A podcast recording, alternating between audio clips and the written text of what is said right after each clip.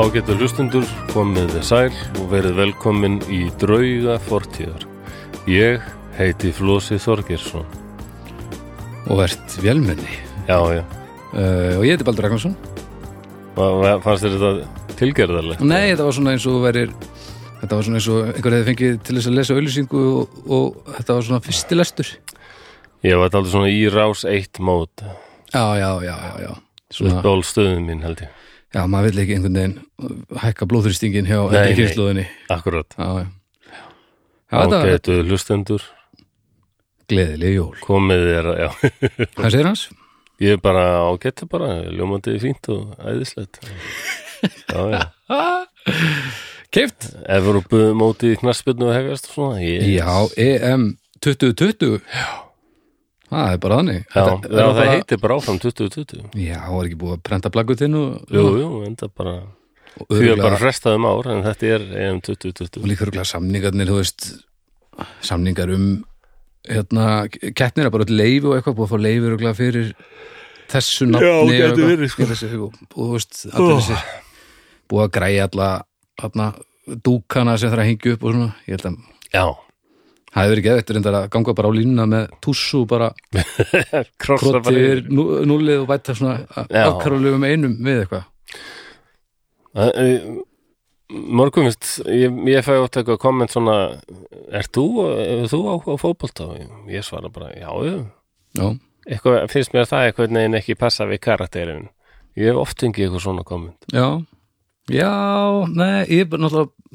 þú hefur haft áhuga á fótbolta síðan ég þekkti þannig að Já, það hefur já. alltaf verið partur á þessu en já, ég skil alveg hvað fólk er að fara svo sem en, Já, en þekkjandi þá er fótbolti ansi stór partur af já, lífið ég elska fótbolta Gleði ekki að við Já, ég er alltaf þóttan aðeinslugur Hvað er það sem að gleðir við svona við fótbolta? Ég, mér fannst það náttúrulega alltaf vera svo íþrótt sem einhvern veginn hentaði stórkosli í sjónvarp og hérna Mm einhvern veginn líka svona íþrótt sem var góð svona endurspreglun á lífinu einhvern veginn, af því að hann er svo órettlátur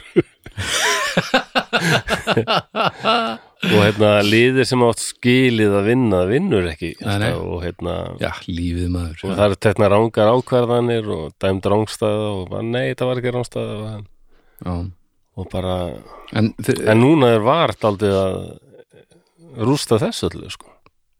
nú? já, svona núna er ekki þetta, núna er bara hægt að skoða þetta aftur og fá Já, bara já. alveg og reynd sko. En dómarinn hefur einhvern veginn alltaf verið alvaldur í fótbolta, hefur nú ekki, já, lífið hefur bara ekki ef hann búið upp á dæmdi það sko. víti þá var bara víti og það var bara, Já, lífið býður ekki upp á það nei, Það er svolítið, en ég menna, sumir leikmenn fá meiri sens en aðrir að þeir eru nógu stórir í þessum íþróttum, sko.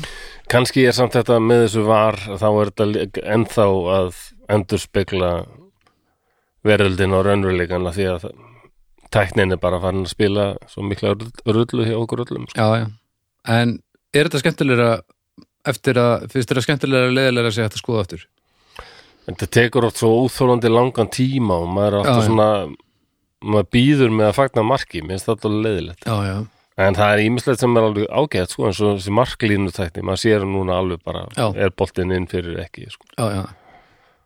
og, og stundum er þessi rángstöðu tæknið bara fín en stundum tekur þetta svo langan tíma Og hvað, en þetta hversu, er komið til að vera sko, ég held að og, því já, og hvernig réttlættum að það líka að vera með tólin í höndunum til þess að vita hvernig leikurinn fer í Já. alvörinni og nákvæmlega. maður að hunsa það bara og maður að, þú veist, að fagna upplýsinganissinum ég veit ekki alveg hvort það sé hvernig Nei. maður er réttlæta það sko þegar að íþrótt snýstum reglur sko já, já, og enn sem komið er þá er fótboltin líka sko, það litla liði getur stund, ennþá komið stundum ótrúlega óvart já, þú getur líka ímyndað þér, þú veist, ef við værum í 100 metra hlaupi og, og það verið bannað að nota myndaðarinnar þú veist, það Já, þurfti bara nákvæmlega. að vera einhver svona að horfa já. og svo bara, eitthvað, já, erðu, ég, þessi vann og já, þú veist, það er bara dagsfór með einhverjum já, drölla það er ekki alveg málið Nei. en það má ekki svo fannst mér líka eh, með knarsbyrnu eða fótbolta að hérna það er einhvern pláss fyrir alla stór og mikill, kannski ekki fljótur mm, en þá ertu bara fættur í vörn eða mark eða eitthvað já, já, já, já akkurat ef þú ert uh, lítil og, og hröð mhm, mhm snögg, lípur þá bara, þá ertu að sókna maður sko Já, já. Kanturinn, ég er alltaf á kantinum. eða það, Já, hægri kanturinn. Ég var hægra meginn, Arnar á vinstra meginn. Mér finnst alltaf best að vera, ég fíla alltaf vörnina best.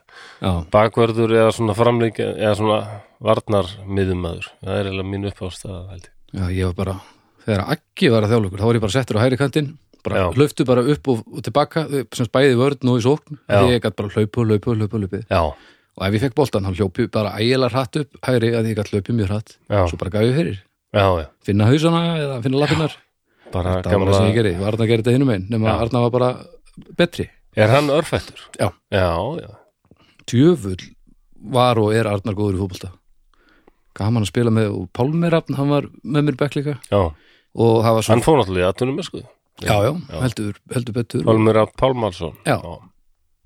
og það var svo gaman og svo niðurdreifandi að spila fótbolta við jafnaldra sem voru bara með mik- allt annan skilning á því sem var að gerast voru bara Já. á allt öru leveli sko. Já. það var bæði frábært að því maður varð aðeins betri fyrir vikið en svo voru hann náttúrulega óþólandi að því að þeir voru náttúrulega bara svo miklu miklu betri sko. Já, skil. en mjög skemmtilegt Já, það, en það fór að skemma síðan mjög skaman að spila fótbolta en það hjálpaði ekki að ég var nærsýtni heldur en nokkur málva- moldvarpa já, og stálega gnar, gnar blindur bara fekk boltan og bara eh, já, já ég sattur það sáður já, þetta snýst allir svolítið- öskarna, gefa, gefa, gefa, gefa, gefa já, og ég gaf bara beint á mótari já, það er ekki það er til dæmis það var bara ekki vinsælt nei, það er einhvern veginn ekki leiðin að sigri sko.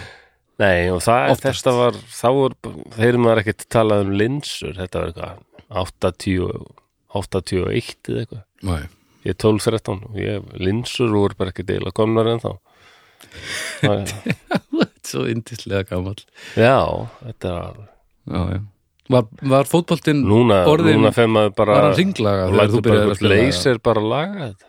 já, það er alltaf næs Já, Já. já, hann var hringlega, já. hann var það, ok Þú veist ekki, En- lendir en ekki, samt- lendir ekki trappisu já, Örglega öðru sem heldur en í Tímabilinu. dag, mér veist að þetta er svona þungir boltar, sko. já, það er eitt fótbolt- sem talaði um það nefnilega, hortar á gamla myndir sko, að kannski voru jættil þessir gömlu knarsbjöndum en ennþá betri heldur en þeir reynast virðast vera það þá þegar þeir voru náttúrulega með bara boltinn var bara hnaust já, þungur sko, Þetta var leður bara- bolti og bara var kannski ennþá leðurbolti. þingri eða rigning sko. örgulega bara fylltur af lifur eða einhverju bara til að fá eitthvað smá já, já, og svo náttúrulega varstu ekki í einhverjum taka, almennum takaskóm, þú varst Nei. náttúrulega bara í einhverjum djöfis gúmiskóm sem að fundist undir einhverju Já, já. rúmaukstar markverðirnir voru ekki með hanska Neini, hanska erum við hendur hundrulegt maður Já, þetta er merkilegt Já, ég horfði á leik fyrir nokkru sem er á, nú er svo allt á YouTube sko, það er leikur frá 73 held ég, Ok, já, FA Cup Final á Englandi, hann er allur bara á YouTube, djöfessis harka, maður, já alveg bara, Það er líka þegar maður horfir á þennan fótbolta maður mað gerir sér ekki grein fyrir því hvað þetta er mikið tutt sko Nei, þetta var alveg rosalegt sko. þegar maður var að spila í gamla, dag- ég fór ekki langt og ég var aldrei frábær en ég plummaði mig ágætli í í því hluturki sem ég átt að vera með sko Já, þegar maður lendi í svona stórum og, og þettum varnamönnum sem vissu hvað þau voru að gera já, og þeim var svona já, meira sami mig en boltan já, þá fann maður ansi vel fyrir því sko það er bara, og, og mér fannst það gaman en, en þú veist, ég steinrótaðist þannig að einhvern tímann blöndu á sig og er það? beitt tungun í klessu og, Nei, hvað segir þú? og, og, já, pappi hljópin og völlin alveg bara eitthvað, af því Já. ég steinrótaðist Já, já, svo og fór blóð úr varma líð munninum og leiðin svona. tilbaka og ég fekk mér pilsu með tómatósu og Já.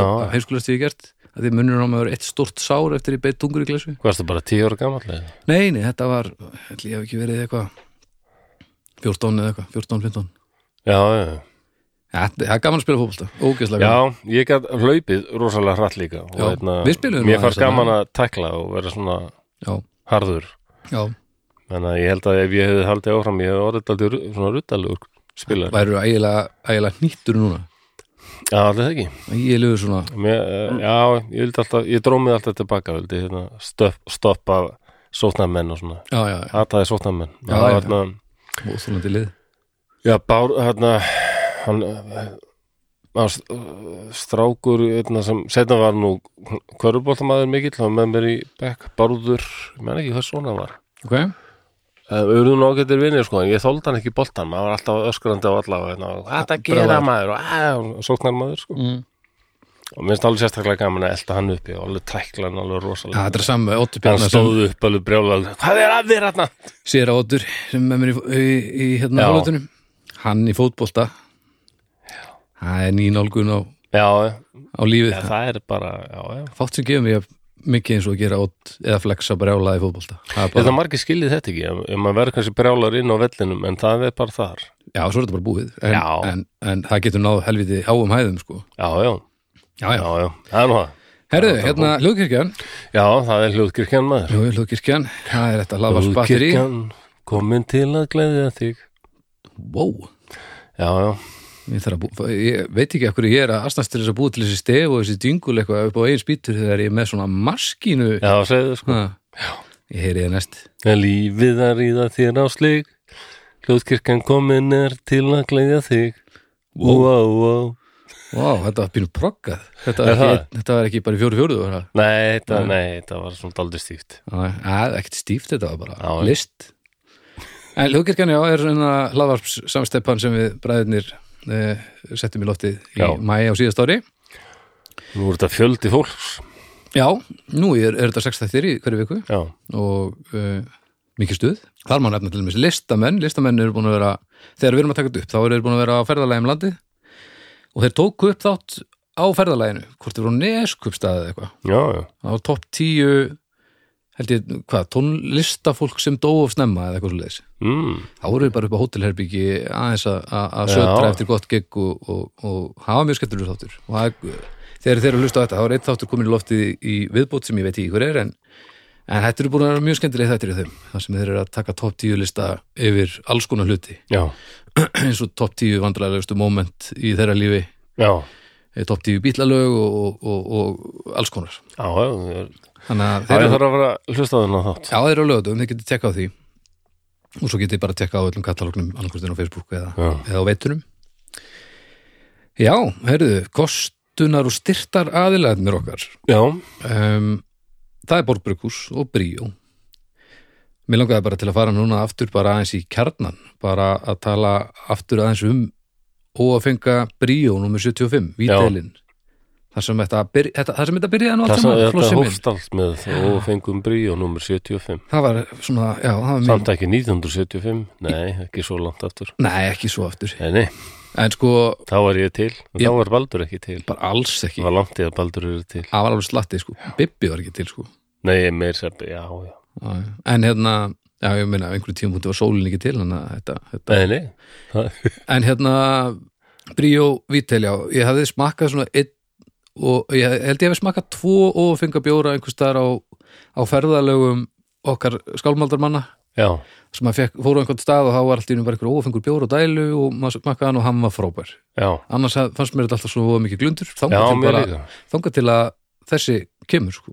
Já, þarna bara varð uppeyjan í heilanum á mér svolítið að Já. vera með aðgengi að svona góðum óafengum bjór, já, skil það vel. greitt aðgengi og, og það er svo glæsilegt hvað þetta hefur gengið vel, hvað allir eru að taka þessu vel Já, þetta er náttúrulega fyrirtæki sem er bara svona heimsklasa fyrirtæki. Já, já, það er auðvitað mál. og, og náttúrulega verðlaunin Já. sína fram á það líka að að þessir bjórar frá borg eru að að sanka þessu verðlaunum þannig að það er mjög ánægilegt og, og eins og þið kannski munið eh, eða fáið allavega að vita núna þá er, já hann er víteil og, og, og þetta eru Mosaic, Citra og Hallertáver Mittelfrúi sem er náttúrulega uppáhals humlarni mínir í Já, heiminum ég, ég væri alveg til í að hafa það sem eftirnafn bara. já, Sebastian, Sebastian Hallertáa Mittelfrú djúfi setur sem þú býrð á Ha, Það lítur að vera það lítur að vera maður er ekki Sebastian von Hallertáa Þú Mittelfrú ert ekki í raðhúsi, það er alveg hreinu. Nei, nein, Nei.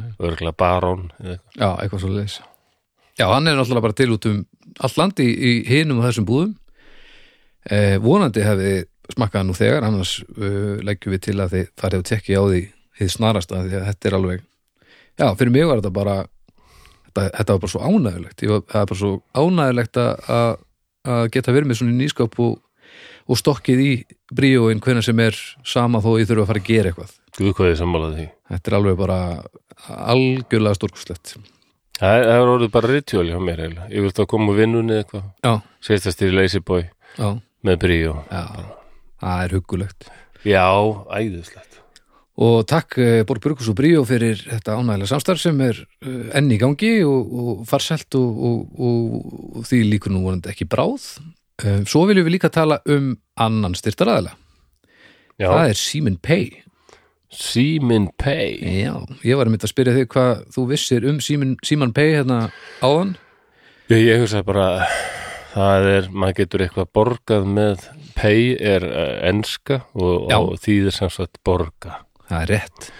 uh, Alltaf að læra. það þýðir þá maður getur borgað eitthvað með símanum eða?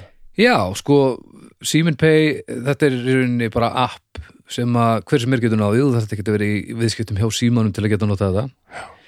Ég er búin að nota þetta nefnilega í svolítið langan tíma. nú, Ég upprunalega notaði þetta til þess að leggja í stæði og það er þetta þess að, að, að leggja í stæði í Simen Pay appinu og það er engin aukagjöld sem er algjörlega snildalegt. já Þannig að þá getur þú skráð bíl, bílnúmerið þitt þar og, og borgaði bílastæði í gegnum þetta app á þess að þessi verið að leggja einhverjar uh, fúlgur fjár ofan á það. já, já En svo getur er, þú líka, er, er hinn uppin hann það er eitthvað svona auk, kostar auka já allavega, allavega sumstæðar, ég veit, hef nú ekki kynnt mér við öll en, Nei. en ég veit að á sumum stöðum þá uh, er verið að taka kannski svona helst til mikið já, Svona- ok, Æ, Eða þetta þá- er orðin algjör frumskóður f- f- fyrir sinn snúð sko. en hérna, það er nú bara eitt af því sem við getum gert þarna þú getur líka sko deilt greiðslum á dótið niður á mánuði og Já. getur sett svona lettkaups lán einhver og núna bara fyrir östustu síðan þá hvað ég að fá mér Playstation 5 tölvu og ég gerði það í gegnum Simon Pay og ég ákvað bara að setja hann á ár og þá fekk ég bara vaksta löst lán í ár borgaði eitthvað pínu lántökugjald eða eitthvað já, já, og svo gæti bara dreift restinu ár án þess að vera að lenda í einhverju, einhverjum glössa sko, all right sem var algjörlega frábært og um daginn fór ég út í búð já, komin langa leið Já. búin að taka saman fullt af vörum já, og þá uppgötaði ég og ég til þess að breyta þess til hafði ákveðið að fara í annan jakka ó en veskið Æ. var í hinum jakkanum þannig- ævintýra mennskan tekur og gefur Æ, já, ha. en þá hugsa ég, ég var einmitt með síman, hvað ef við hefum nú geta bara borgað með síman? já, þú hefði til dæmis geta borgaði gegnum Simen Pay Er það? já, já, Já, þú hefði ok. gert það sko Ég þarf að þú hefði skoða meira að þetta. segja geta þú hefði geta dreift töksinu Já, ég er á ennþá námið 36 mánuði ef þú hefði viljað það sko það er bara hálfur biti á mánuði Þetta Það er var svo, næs, sko. þetta var svo nýðulægandi. hérna. já, þetta er, þetta er leiðilegt sko Ó, ég, ég veist, þú gleyma veskinu. já, þú eru að Ágreyslu maðurinn horfði á mig eins og ég væri bara svona molnandi kveiti póki Ég meina, og þú ert bara allt, an, allt hitt fólkið í rauðinu horfði á mig líka. Þú eins og ert ég væri einhver fáviti. starf á milli þess að vera manneskja og mammút Já, þegar þú veist já. hafa glemt verskinu Já, já. en, Æ, já, þetta en, var en voðalegt. hérna og í Simin Pay appinu þá getur þú líka Já, þetta það er alls konar var tilboð. hræðilegt, sko. alls konar tilbúð, tveir fyrir eitt tilbúð og fullt af veitingastöðum og svo leis Já, já. þú getur, sérst það er bara núna langur listi af veitingastöðum þar sem þú getur fengið tilbúð og, og panta mat og, Já. og svo leiðis og svo í hverja einustu viku eru lettköps tilbúð það er alltaf í hverju viku þá er eitthvað stórt tilbúð sem er í gangi og það er þá eitthvað tilbúð sem þú getur engöngu nálgast í gegnum síminn pay appið og um daginn var það til dæmis MacBook Pro vel á, á astnalega góðum afslætti Já, svona, já. Eh, Núna þegar við erum að taka upp þá er hérna Galaxy Tab A74G uh, spjaldtölvan alveg á 40% aflætti En eh, ef maður, nú er ég nefnilega ekki, símafyrirtæki mitt, það er ekki síminn, það Nei. er annað. Já, það skiptir ekki máli Nú, það skiptir ekki. Nei, þú Nú, getur hvað náðið er- síminn pay appið samt og, og skráðið inn þar og, og, og gert og græjað og, og nýttir þessi tilbúð það er bara, Já, stendur alveg fyrir utan öll símaðiskipti sko þannig að þið skulið fara og tekka á þessu það er, það er rosalega auðvitað fyrir mig að mæla með þessu að því ég er búin að nota það alveg hellingsjálfur Ekki rugglast á, þetta er síminn, ekki síþinn, það er allt annað. ha, Já, bara þinn og minn, hérna, sí, síðan síminn. óg jésús Hérna- minn flósi Já, húf, Á, já, ok. jésús Já, ok, áfram, þú ert að segja eitthvað merkilegt. já, eh, þetta, en, þetta, er, já, þetta er frábært þetta er búið líka, þú, þú drafst þetta Já, já. herðu, ég, Skoðið síminn pegi og þá styrkið drauga fórstíða líka nákvæmlega og hljóðkirkjuna. já, Þetta er bara svona sem þú og, virkar. og skoðið hitt sem hljóðkirkjan býður upp á það er margt skemmtilegt Þú ert, orðið, þú, þú ert plögg vél. Nei, já, já, en ég tala alltaf í svo monotón já, já, rás já, eitt röð. já, já, já. Þú ert svolítið svona, Hljóðkirkjan, hljóðkirkjan auglýsir nýjir þættir vantanlegir Já. skráið ykkur í dag hljóðkirkjan vorum að opna nýtt session, já, eitthvað svona. já, já Er eitthvað sem þú vilt fara yfir svona áður við hefjum leika eða hvernig er það? nei, hvað ég veit ekki hvað ætti það að vera Ég veit það ekki, maður fæst undir svona einhverja pósta og svo ertu með einhverja vangaveldur og... En þú ert búin að vera nokkur hressu upp á, upp á síðkastir ekki? E, jú, jú, Já. Svona meða við. jú það, jú. en Ég er ekkert að segja að þú myndir hafa hamingjuvógina upp á eigin spýtur en, en, en svona í samhenginu ertu búin að vera já, þokkalega? já, ágættur sko Langi lúrar bara? ég, já, og ég, það er daldið pyrrandi já, já. Það er ég, bara, ég ætla eiginlega næst ég hitti geðlæknir að tala daldið um það já. að sofa allt í einu bara eitthvað 16 klukkustundir það er alveg klika Það er alltaf mikið, sko. Það er gilt í bakkjöf. ég, já, nei sé það nú ekki Nei. ég vakna stundum hausverk ef ég sefu lengi sko. Já, eðlilega, þetta er ekki... bara Hvað á vatnsskortur maður að sofa og- lengi? Er ekki talað um að ekki bara 8 tímar fyrir þeir einstaklingum eitthvað á milli 7 og 10 tímar? já, eða? Þetta er meira. já þetta er alveg ferlegt sko Já, já, þú lítur að, að fá einhvern rithma í þetta. en núna er klukkan 12.14 ég, Já, að ég verið að vinna til 8 í gerkvöldi og ég var bara þreyttur því ég kom heim og ég sopnaði held, ég fór að sofa um 10 sko. Þannig- já, já. Herri, ég fór í bólusetninguðan. já, Já, já, já, já. Heldur þú að Mm. stíka. fjast hérna Jensen Ég fekk Jansen, já, sem ég tengi alltaf Ég veit við ekkert um Jansens, Jansens Böfhús. Ég, vinnum minn var búin að kaupa tónleika uh, að miða tónleika með Subhumans í, í hérna bandaríkjunum Ok. í bandaríkjunum held ég, ég held að það eru Subhumans nei, Korn, Korn. það var svo Korn Já, og hérna dredda en og hann er dreppur. bara að fatta það að hann má ekkert fara til bandaríkjuna að sjá Korn Nú, því hann fekk AstraZeneca og það er eitthvað er það ekki nú? nei, það er bara bandaríkjumenn samþykja það ekki Nú, Jú, þetta, það er fúl maður Já, ok. það er komið svona einhver metingur um hvað hvað, hvað bólöfni er fínt að vera með nú, hvað fyrstu fæs Já, það er ekki það fínt. Ég veit ekki, af, ég, úst, ég veit ekki alveg af hverju það er svona fínt. sko. nei, ég manna Ég fekk þetta og það er bara einsbröta, ekki tvær eins og allt já, hitt. það er ágætt Og nú erum við að taka upp, ég bara kom basically beint hingað eftir að hafa fengið þetta, en mér skilst að maður getur orðið eitthvað slappur á þessu setnipartinu Já. eða kvöld eða eitthvað. Já, ok, en, hvað sem skulum að að drífa hefur- bara í þessum en ég meina í samhenginu COVID versus slappleiki í einhver tíma. Ég- Já, ég ætla bara að byggja ykkur að úti væru til ég að láta bólusett ykkur. Það væri rosa gott, af því að þetta snýst ekki bara um okkur, þetta snýst ekki bara um mig, sko. Þetta snýst líka bara um fólki sem að getur ekki fengið bólusetningu nú, nákvæmlega, og þetta snýst um, já, þannig að við erum að verja aðra en okkur já og þessar samsæðiskenningar og a- allt þetta, þetta þetta er alveg fín aðþreying en svo skulum við líka munna að það er ekki allt samsæðiskenning. Nei, nei. Það var líf fyrir bóluefni og líf eftir bóluefni og ég held að hver sá sem skoðar þetta í alvörinni komist að þeirri niðurstu að eftir er betra. Það er Já. bara þannig. og nú stöndum við fram fyrir því að allt í unir þetta hérðaðunum sem við verðum að tala um sem er kannski ímyndununa þegar þetta mun stökkbreytast eða eitthvað, ég veit það ekki Ég, en já, eins og breytlan sig, það er svo margir sem eru að aftakka bólusetninguna, það er að- bara að taka sig upp aftur sko. í alvöru Já, það eru bara ekki nógu margir með vörd gegn þessu til þess að þetta nái að fara í dvala Ég var í smá samkvæmi um daginn og þar var hann maður sem hérna, var að segja hann alltaf ekki að fórseta. Já. Þetta var ekkert vita hvað var í þessu, þetta var baneitrað og hann treystir sér ekki. Já, Og hann, hann, hann var með viski í glasi og var að reykja. já, já nokkulega Ég hugsaði að það er eitthvað þversögn þetta.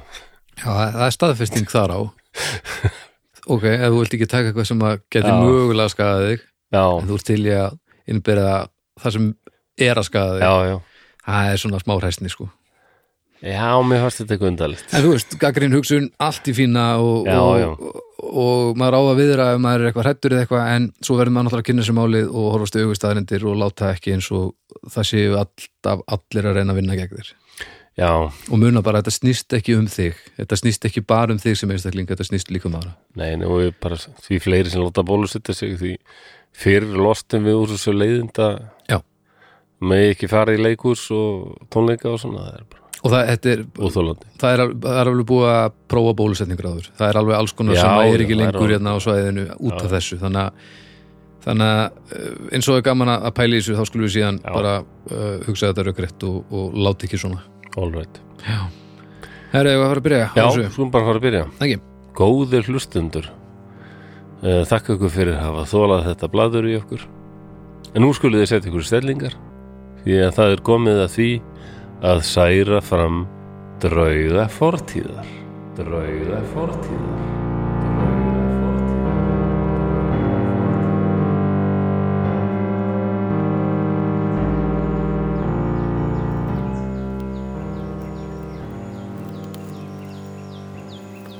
Búlandshar, Norður Indlandi, 28. februar 1867. Við erum á veiðiferð um svæðið.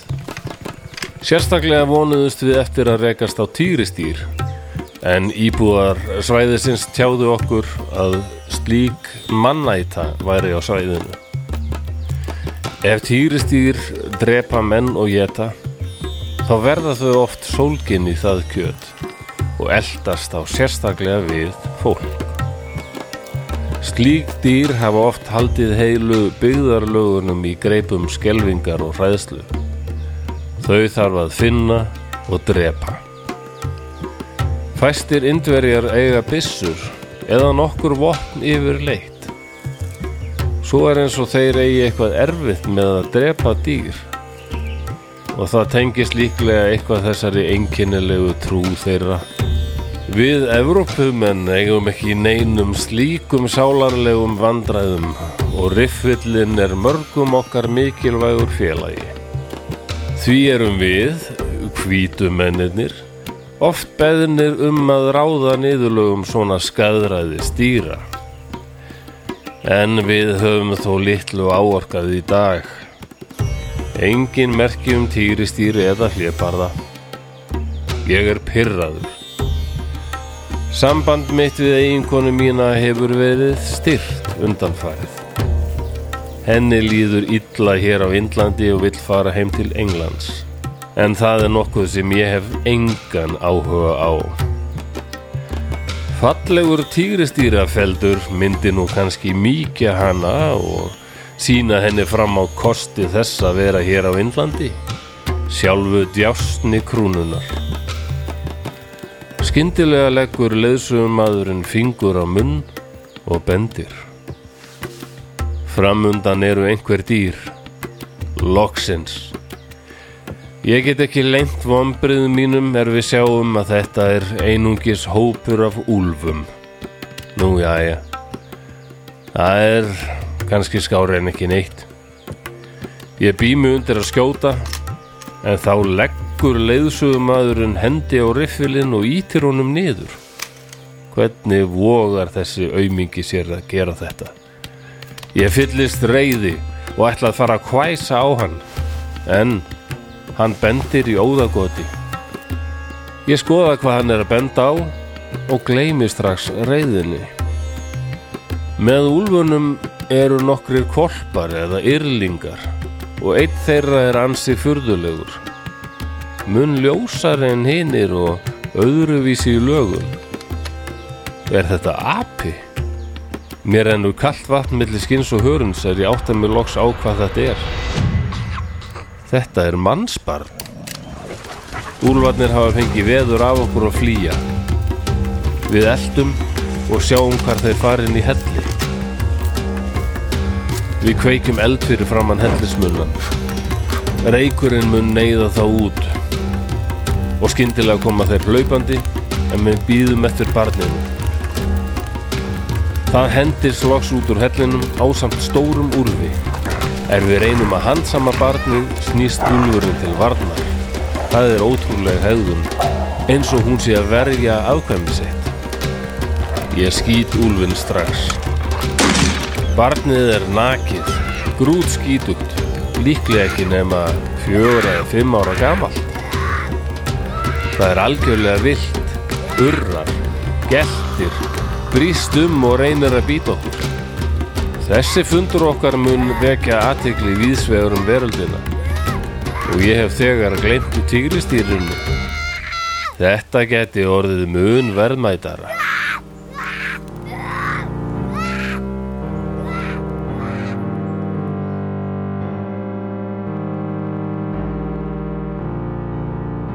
Þá er þessum lestri lokið og við þökkum losa fyrir þetta og heyrum Já. þá í Ólafi Jónatansinni sem ætlar að flytja eigin útgáfu af landið þitt sonur. Veit ekki hvaðan þetta kom, þetta var nú eitthvað bull en hérna, Landið þitt sonur um, Já, já, ártalið var hvað? 1867 867, hvað voru? 859 síðastar ekki? Jú, það það er bara 19. öldin er að spila stóra rullu Rúla að gera þarna Já, ertu Herðu, hérna mikill aðdán til Mowgli, hans, hans Móglís já hvernig, hvað mennur aðdáðandi ég er ekki í klubnum Já, en ég veit hver hann er sko uh, og það er svona já, það er nú alveg það þekkt saga ég held að, já, að flestir ef ekki allir hann úti sem eru að hlusta kannast þið þásögu já ég man að það var sýsti mín átti litla plötu með lögum úr Jungle Book það Já, var já. Björn hérna að syngja hana Það var sem burn necessities some of the burn necessities Já. Ó, jöð. Burn necessities og þannig að ég var uh, já, ég man alveg eftir þessu sem barn og held rosalega upp á þetta slangan þarna Slangan, kom- dálæsli slangan já, hún var voðaleg sko Já, og uh, vel lesin týrstýru var vond Já, já, já, já, hvað heitir hann aftur? Se- Seri Kann já síður kann Það ekki? já, Snákurinn, svo sem talaði fyrir snákinn alltaf þetta já Sitt mér Já, finnst þetta rosa spennandi þetta var svo, svolítið svona Gott en sko þetta er byggt hann Rúdjart Kipling hann hérna talið að þessi krakki sem ég er að fara að segja frá núna hérna mm að hann sitt aldrei fyrirmyndin að þessu allavega sagan um þetta sko. Já, sem byggðu þessu Það er allavega staðrind að Úlfar hafa tekið að sér mannspörn Það, Já. er, það er staðrind ekki bara úlvar heldur Þetta er líka Apar. íslenskir fjárhundar já, Það eru nóþólandi bönn hundar reyndar líka þetta, það, það þekkist það og það er reyndar ekki sko finna það bönn það er svo mikið af sögum af börnum sem hafa fundist svona sko Já, en ég náttúrulega vildi aðeins skegnast á bakvið þetta og, Já. og það kemur svona oft aldrei óhugnarlegt af hverju er svona mikið um þetta á Indlandi til dæmis já, já, já, já, já. en uh, þess, hann hétt Dina Sanichar, þessi strákur þannig Um, að þessi fættur svona 1860, 1861 eitthvað svo liðis og var þá skýrður þessu nafni eða nefndur þessu nafni uh, eftir að hann fannst Já. skýrðum mér já. það komst, uh, kom, kom aldrei í ljós sko hver, hverju væri fóreldrar hans en eru við eru við að ganga út frá því að hann hafi verið borin út það er ekki ólíklegt Æ.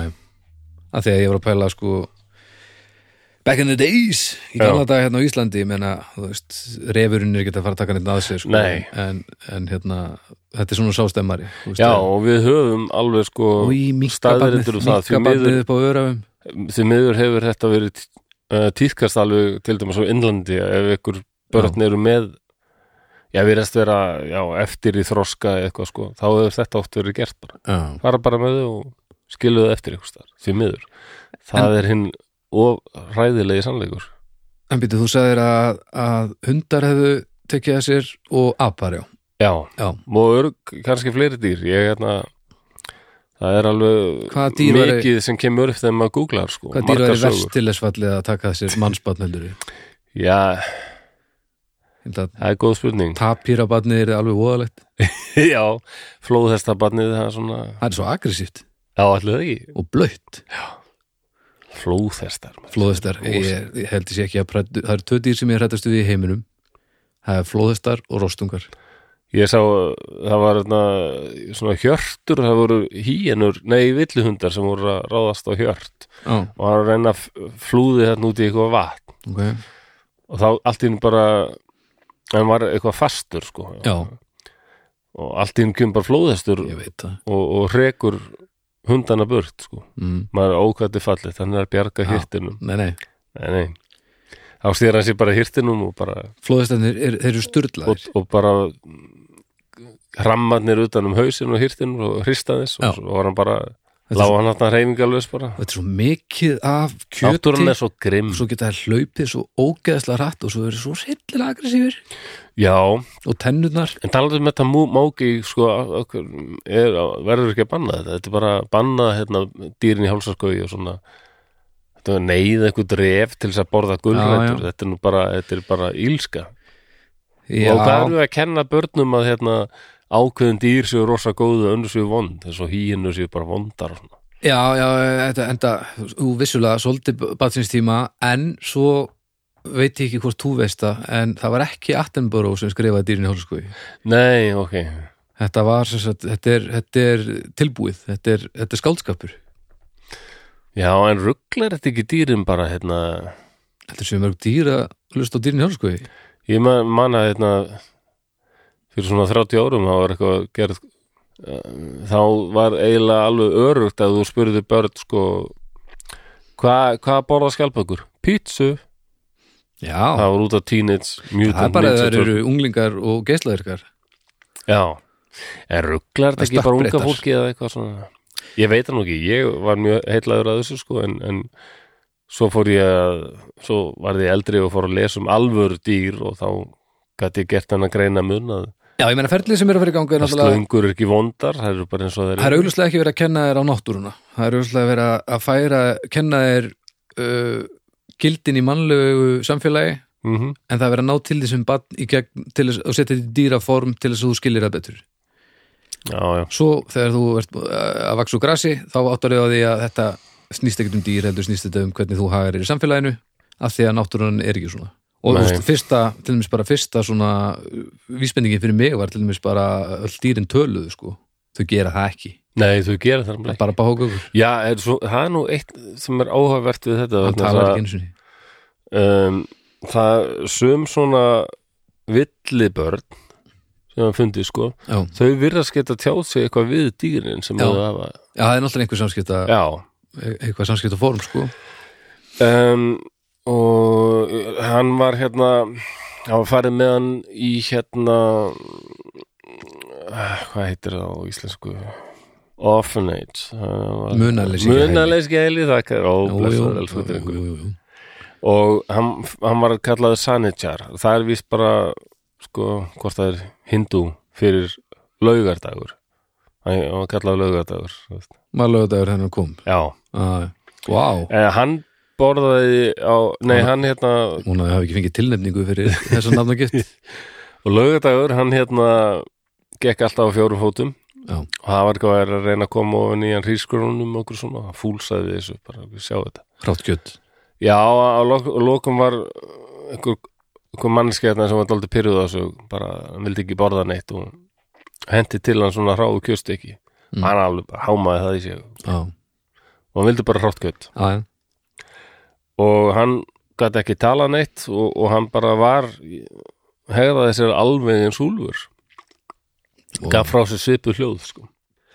um, hann hann var hérna síðan meðal manna í næstu 20 árin sko. hann hefur verið svo 6 ára þegar hann fannst 20 ár já, Ok, hann læriði aldrei að tala nei og var uh, og var mjög sko, var mjög viltur alla sinna æfi sko. Ok, en það er, það er eitt og hann virtist ekkit uh, sumir telja hann hefur bara verið sko uh, með þor- einhverja þroska hömlun sko, fyrir í grunninn Já Og þess vegna mögulega skilin eftir já, því miður, það, það er alveg þek, það er þekkt dæmi sko, því miður Já, um, það, það er samt eitt, það er, honum var kent eitt það er eitt svona um, sem menn gera og ekki dýr sem honum var kent og hann tók það upp alveg svoleiðis bara Var- af miklum krafti sko er það klósitt Nei, fyrir. er það, heldur að fólk hafi ekki kent honum að reykja nú var það fyrsta skrefið já Já, það, það fílaði hann og hann var keðju, keðjur ektir sko, já, alveg bara viltur og trilltur ok, heldsborða rátt kjöt og reykja wow, ok Eh, og hann lést úr Berglum árið 1895 En býtum við þá hann að úlfa mentalitíð hann að úlfar við getum alveg vanið þá á reykingar ef við getum látið þá ef við þurftum, við þurftum látið að Ég, setja sko, sigarettur á Ég statíf meina, hann, sko. hann, hann Wojtek, hann björnin sem við töluðum um í dýri í stríði, hann, hann reykti já. reykti já. Já. Þetta, er, sem sagt- þetta er náttúrulega bara ánýtandi fyrir hvaða skrokk sem er já, já, alveg rosalega Ætlum að geti tekið vindil og sett í, í, í hérna, toppgattið á, á háhyrningi og, og vanið hann á á reykingar ekki, ekki reyna ekki háhyrningi, ok, bara höfrung Það er aldrei vesens núna þegar hann fer kannski í kaf það getur Já, en ég meina há bara andanum frá sér ég meina, já. ég, Ég, eins og þú segir, þetta er náttúrulega alveg það er oft talað um að, að nikotín þetta sé, eða kannski er ekki, ekki nikotínið sem maður jú, er það ekki nikotínið sem er aðal efnið sem maður ánýtjast Það veit það ekki Það er alltaf að partur af þessu já, Já, ég meina það er, þú veist, oft talað um, plástrar. það, er, um, það er sko sterkara heldur Já. en þetta heroin þetta, er, sko.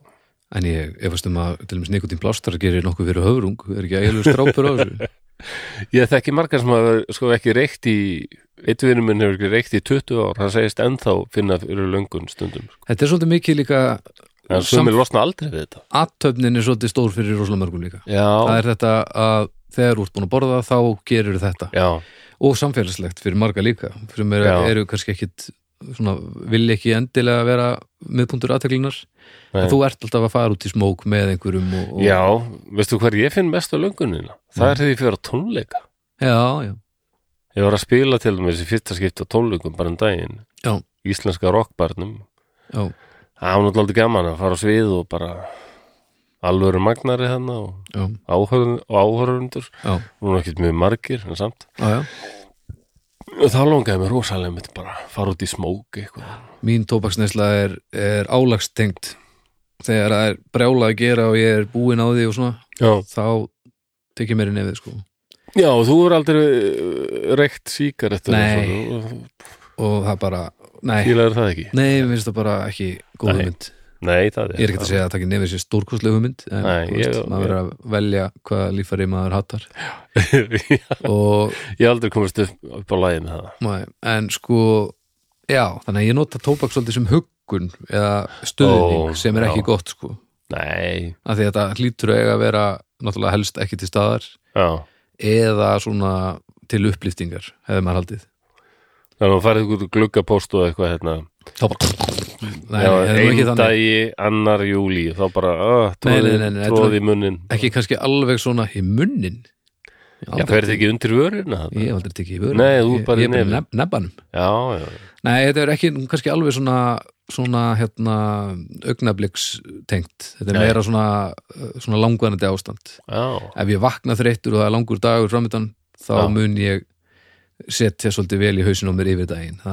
Já. það verðist bara að vera þannig já sem er ekkert góð hugmynd en, en svona, svo, við höfum nú alla okkar við erum nú öll að taka okkar djöfla í nefið á einhvern hátt alveg Já, meina þér Já, já. Eh, Á svipum tíma og hérna Sanitjar fannst, þá voru sko fleiri svona villibörn fyndist og mjög frægt eh, döldu fræg saga af Amölu og Kamölu Amala og Kamala Amal og Kamala Tvær st- stúlkur sem, þær voru líka úlfa, úlfabörn sko, ok, hvað það var það? fundust á meðal úlfa miðvikudagur og fymtudagur um, það er reyndar ekki alveg á sama tíma sko, en það er uh, cirka 1920 sem þær finnast sko. ok, En þær einmitt borðu rátt kjöt bara og voru á gengu á fjórum fótum sko, og- var það Úl- Úlfar líka Úl, já, það er með að segja sko íl, ílruðu bara þegar var fullt tungl og svona. og byrju, voru þær á Indlandi líka Já. Já.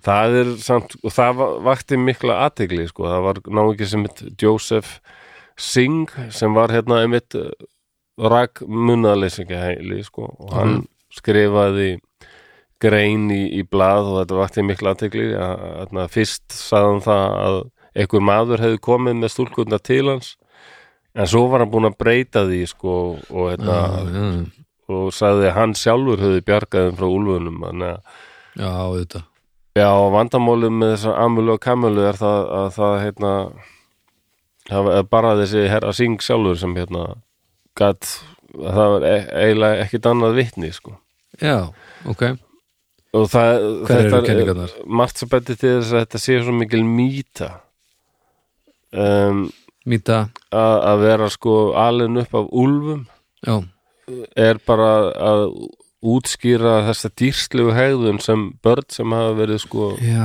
já yfirgefin börn sem eru með einhvers konar um, þroskahömlun eða jætvel Já, líkamlega föllun eða, eitthvað, já, sem eh, bara eh, hefur verið því miður getnum allt þetta óhugnarlega algengt þannig að bara, e, þetta er bara svona fullkomin vannraksla sem eru útskýrð með því að, að dýrin hafi eðalötu Já, það, það verðst oft verið þannig sko og það telja til dæmis margir og þetta var setna meir var þetta var þetta þótti eiginlega fullsann að þetta væri rugklarna með amalu og kamalu sko, það, það voru ekkit Það er aldrei verið með einhverjum ekkert dýrum. sérlega viltar það voru bara til dæmis að talið að Amala hafi verið með rétt syndrom rétt helginni sem er einmitt svona þorsku hömlun sko Ok. og enginnist enginin er ekki ósvipuð sko bara mjög á eftir í öllu sko Og bara engin að sinna henni og engin að hjálpa henni nei, þetta að vissuleiti getur maður skilið fátækt fólk sem gerir þetta samt sko ég menna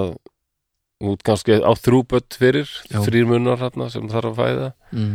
svo fæðist eitt sem er bara en hún getur fljótt farið að láta börn taka þátt í heimilisaldi Já, já, þannig að þú komum með eitthvað sem er bara til einskis það er ljótt að segja það já, ég veist á á En ef við okkar, lítum á ofsalega okkar mæli kalt á hverða þetta. er þetta náttúrulega galið Ha? en á, frá okkar sjónur út í dag Já, já. frá okkar mæli hverða er það galið Já. að- að að segja það en ég skil hvað fólk ef fólk er náttúrulega bara að horfa á það, hvað er að gerast þá mm standaði frammi fyrir eh, aðstöðu sem að við munum aldrei þurfa að standa frammi fyrir nei, og þetta, það sem er engin engin félagsleg hjálp eða neitt sko Nei.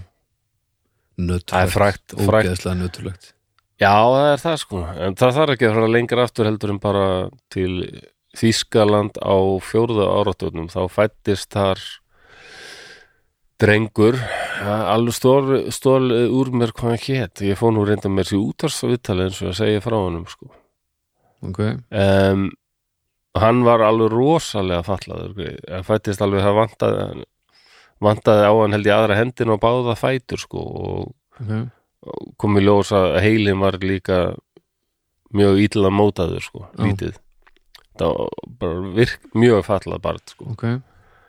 og fadir bara sem sagði bara við læknana ég vill ekki ta- fa- eiga þetta bat sko því, ég vill bara að þið fargið því og læknaði svo bara Shit. við höfum ekki leifið til þess við megum það ekki Nei. það er bara bannað með lögum og við sem læktan gerum það ekki en þá tók hann sér til hérna pappin, hann lít ekki hann hann var einmitt svona verkamaður bara, sá fram að hann geti þetta væri ómulett að vera með þetta bara, þannig að hann skrifaði bref til mann sem er umdaldið frægur í, í mannkinsögunni, Nei, byrjar á M ekki M, nei en, já, það er svo mengalega já, nei, hann fór hærri upp en það Hann fór allir leið bara já, hann byrjaði á A, sko Nei, hann skrifaði bara bref til fóringjans nei Og það var náttúrulega einhver, einhver maður í vinnu við það að lesa bref til fóringjars. Ég meina, Adolf var ekki allan daginn eitthvað að opna bref og hérna, Nei, nei, hann var upptekinn kæri Adolf. ég- Já,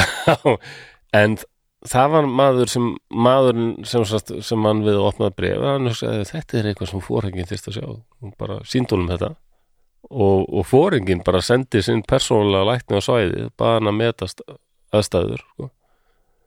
Og það var ákveðið bara, þá var breytt fóringin gaf út bara ný lög sko, að sumum börnum Já, það var ákveðið, hann var ákveðið bara að farga þessu barni, sko og, og læ- læknir Hitler gerði það bara og þá fór í gangalu rosaleg svona aðgerð, sko að, að losa ríkið við föllu börn Helvítis ógeð Já, og endanum, ég man ekki hvað það var það voru nokkur hundruð þúsund sem voru myrt þarna á þessum tíma bara skotir maður já, og safnað saman og bara af því að það var svo stert í þessari arfbóta stefnu Já, sko að þetta fólk var náttúrulega ekki til neins þetta var bara mistök náttúrunar og þetta er bara svo já, ég veit ekki, þetta er bara svo grimm það er svo stutt síðan það var líka Já, það var þetta er ákveðið sko að það þýr ef þú varst með einhverja þroskahömlu þá var það var alveg fram á áttunda áratug þá var slíkt fólk alltaf tekið úr sambandi já, hérna, til að koma í veg fyrir að það geti fjölgað sér já, í Svíþjóð til dæmis já. Þetta- grindin er svo yfirgengileg og þú þarft líka að setja þig og svo háan stall til þess að geta já, ákveðið koft þetta svona niður á fólk sko já, og þarft að vera orðin helviti mikið mengaður af mikilmennsku brjálæði og einhverjum óbáslega stórum málstæði til þess að ná að aftengja þið þannig að þetta sé bara lausnin já þetta- og þetta hvar stoppar þetta síðan sko hver á að ákveða já, hver á skilið að fjölga sér og hver ekki sko. það er þetta. já og hver á skilja að lifa og hver ekki og þetta er Já, algjör já, já, og svo í gegnum tíðina er ekki bara fölluð, má ég segja fölluð ég kann aldrei að veit ég já, fólk, ef það er ekki bara fólk með þroska hömlun eða eitthvað sem hefur verið borið út akkurat heldur náttúrulega bara stúlkubörn Já. það þótti bara ægi ekki stelpa það eru til einski snýtar Kína náttúrulega mikið Já. þar á mátti Við ekki þurfum að fá eignast dreng. nema mátti ekki eignast nema x mörg börn sko já, þannig að stúlkubörn voru kannski alheilbrið bara borin út látið mæta afgangi, það er nú Já. magnað það, er- og þetta er ennþá alveg já, það eimir ennþá eftir að þessar, þessar arfbóta stefnu sko að, hérna, já, það gerir það hún gæti komið aftur með krafti um, sko það er ekki la- lengra síðan en 2017 þá fundu lögreglumenn í Indlandi bara litla stúlku átt ára gálfu 2017 já, sem bara var ráandum og bara algjörlega vilt og gæti ekki talað og hérna hún hjekk í kringum hérna apahjörð Já, og hérna henni virtist bara líða mjög vel og meðal þeirra og, og þeir bara umgengust hana bara eins og hún væri eina þeim sko. já, já, og, og svo þegar lörglumenn lörglumennir ákvað að taka hana sko og þá hérna voru mank, abatni brjálaðir sko eins og þeir væru Já. væru hennilega að taka einn af þeim sko já, já. og hann fann með hann á spítala og kom í ljós og hún gat ekki talað og skildi ekkert tungumál og var mjög hrætt bara og alveg vilt sko Mm, og, og oft óböldisfull ok.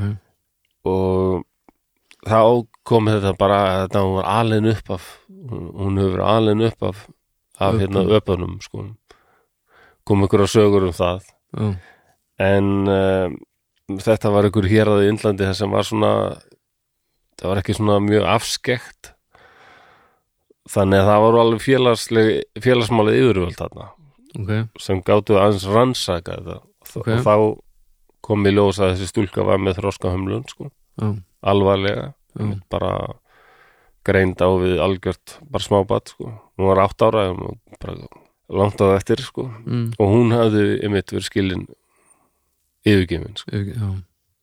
fóröldræðin hefur gett að því hún var bara, hún var, Og þá bara Al- skömmu alvarlega áður og eða, já, ekkert löngu áður sko, nei, þannig að ég veit ekki nákvæmlega en Hegðun það og- var tiltölulega nýlega sko. þannig að það er ekki hægt að, að skrifa neitt á um, hún hafi verið að umgangast apa af hegðun eða neitt svo Nei, en hún Ekki- hafði náttúrulega ekki daldið nema lært bara- að hef, hef, hef, hún hafði daldið lært, lært að herm eftir þeim Já, sko. já, já, ekki nema þá og bara þeir virtust hafa daldið tekið hann að sér sko. þannig að það er eitthvað til í þessu en, en hérna þannig að hún var í rauninni betur sett þarna heldur en nokkur staðar annar staðar já, svo eh, gaman skuli segja það því að það er hérna en fræg, frægt dæmi er hérna ná, náungi sem heit Marcos Pantoja Pantoja Pantoja Marcos er ekki Pantoja. jó- Jóðbúru fram með svona G Ok, hann er ennþá á lífi ok, Hann fættist uh, 1946 Spáni, mm, hann er svona villibarn ok, en hann upplýði alveg hryllilega æsku sko. hann, var- hann er ekki og hann er ekki svona á eftir sko. hann bara upplýði svo hryllilega æsku hann var hérna seldur þegar hann var sjö ára gamall mm, geitahyrðir sem keftan og ætlaði bara að nota hann sem þræl uh, svo uh, hann dó mm, hann hafði hérna, já til að byrja byrjunin hann hafði farið fórhullu sín til Madrid og, og þar deyr mammans mm. og þá var hann þryggjára og hérna pappi Markosar giftist annari konu Mm. sem var alveg hryllilega vond við hann sko. Okay. bara ofbeldi bara virkilega slæmt ofbeldi og pappans alveg sama og á endanum þá selja þau hann samsagt þegar hann er sjö ára þetta er svo ógeðslega Þeir- selja hann þegar hann er sjö ára uh, til þessa geitahyrðis sem bara já, bara nota hann eða svo þræl sko Mm. en svo deyr þessi geitahyrður og þá bara einhvern veginn ráfar Markos bara út í náttúrunni einhvern veginn þá átta að nýjara eða eitthvað eða einhvern tíman sko á Mm. þessu tímabili mm. og hérna, eða allavega 1965 þá er hann sko, já, 19 ára eitthvað svo liðis, Mm. þá finnur lögreglan hans hann, og þá var hann einmitt komin í, með- búin að finna sér nýja fjölskyldu, þá var Úlfar það var úlvar þá var hann bara 11 ár, var hann búin að vera algjörlega viltur sko Vá þannig að það er dý, dý, merkilegt að dýr skulið bara Býtu 11 ár og hann það var, hann kunni alveg að tala og allt sem hann áður en hann fór þá Já, hann hefur lært að þannig að, já, það um, Lörgland tók hann sko og það þurfti að binda hann heila niður sko því að hann var bara alveg svo gjössalega svo viltur, viltur úlur sko og hefða þessi alveg svo úlur Já, bara ekkert sérstaklega- ílræði og reynda að býta alla og ekki svona sérstaklega góður einsla af, af samfélagi mannana heldur Nei, einmitt, ég var nút að hugsa það um, og já, út af því þú varst að tala um þetta sko, kannski var bara betur settur því að í, hann hefur oft farið í viðtöl Ok, og hann segir sko, hann er oft sagt sko, mér langar alltaf daldið aftur stundum Alveg. finnst mér bara samfélag mannana svo umulett að það er alltaf eitthvað sem mér langar oft bara að fara upp í fjöllin aftur og Hvernig gekk honum að aðlagast samfélaginu? já, hérna, það, þau, þau fundu mér þess að föður hans sem hafði yngan að húa á nú sko, hann bara, Ótrúlegt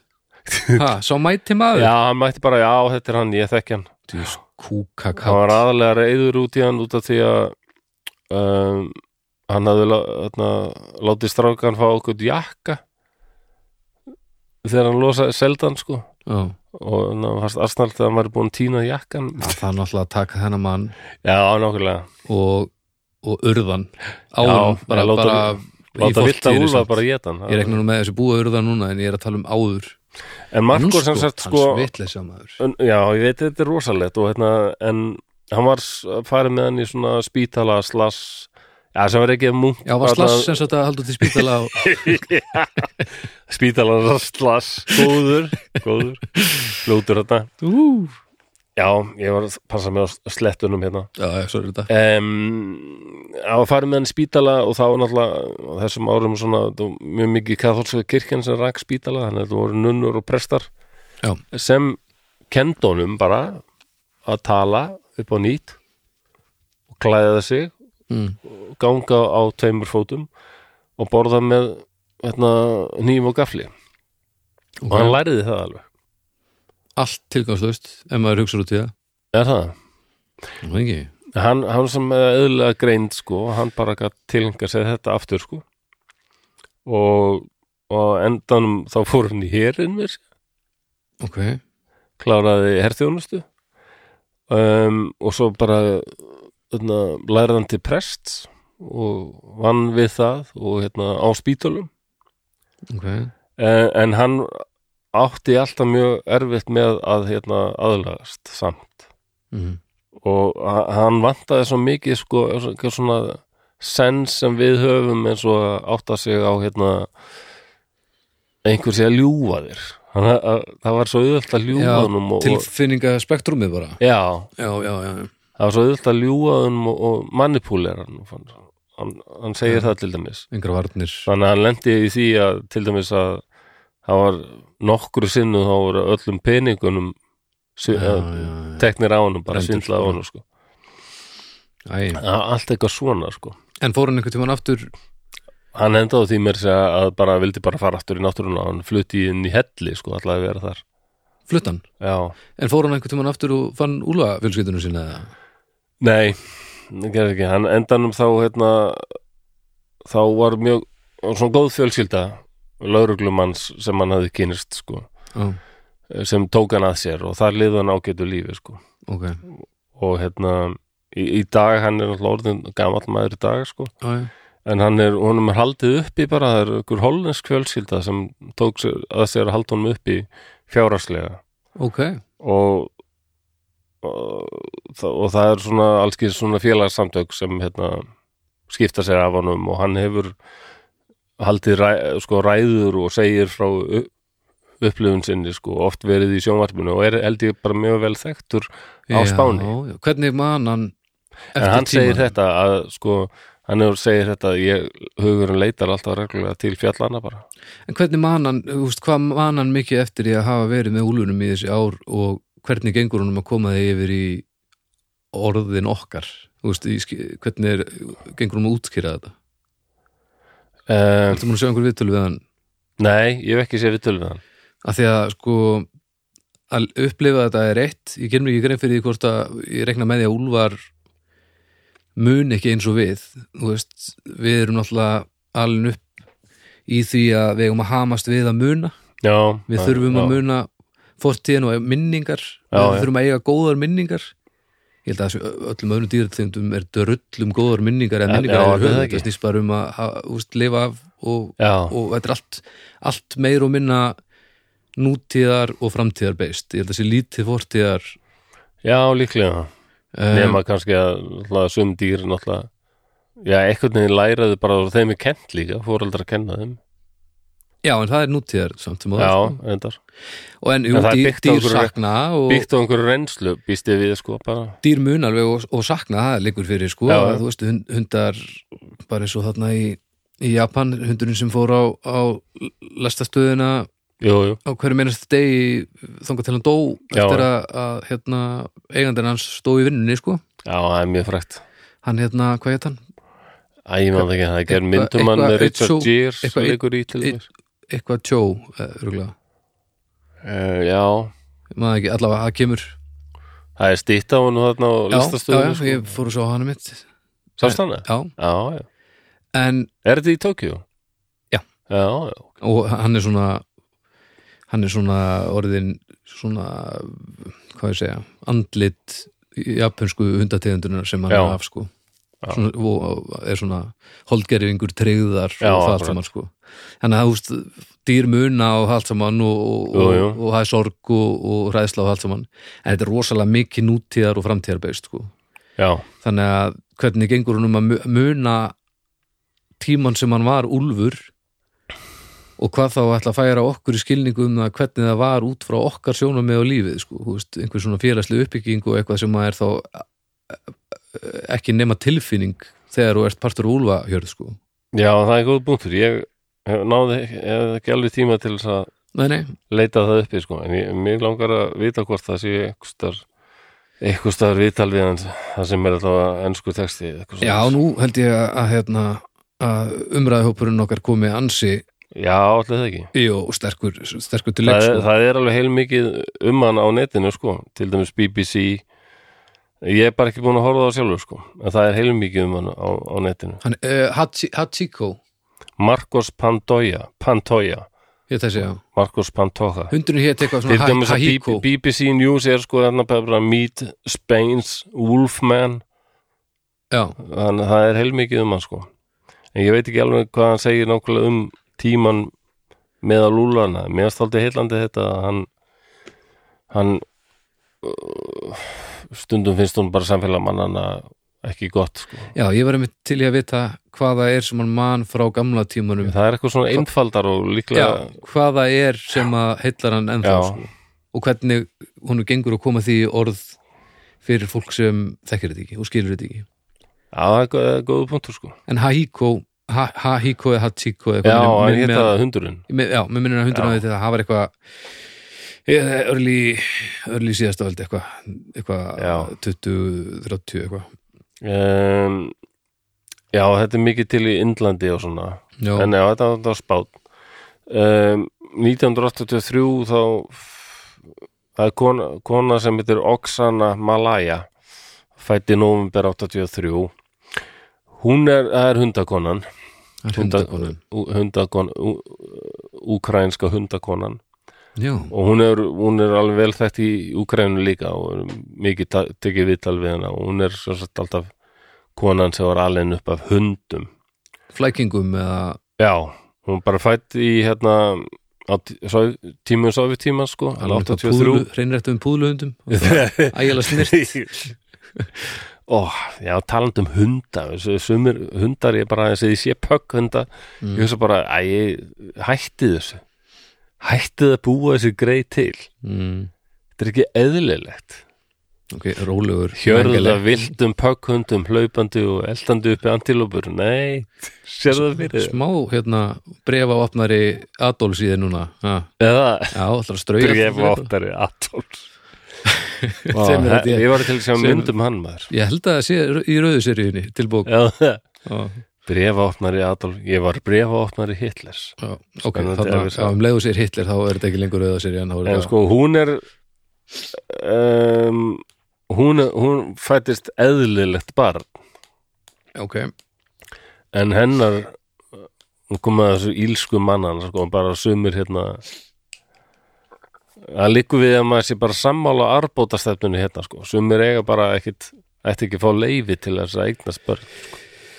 og fóreldra hennar eru gott dæmi um það sko. en að hún fóreldra hennar voru lítið að sinna henni og meira uppteknir við að að drekka bara, vera fullir og hún var algjörlega vannrækt ok og hún var meira meðal hundana já, í þorpinu eldur en nokkuð tíman Já, fóreldra já. sinna sko.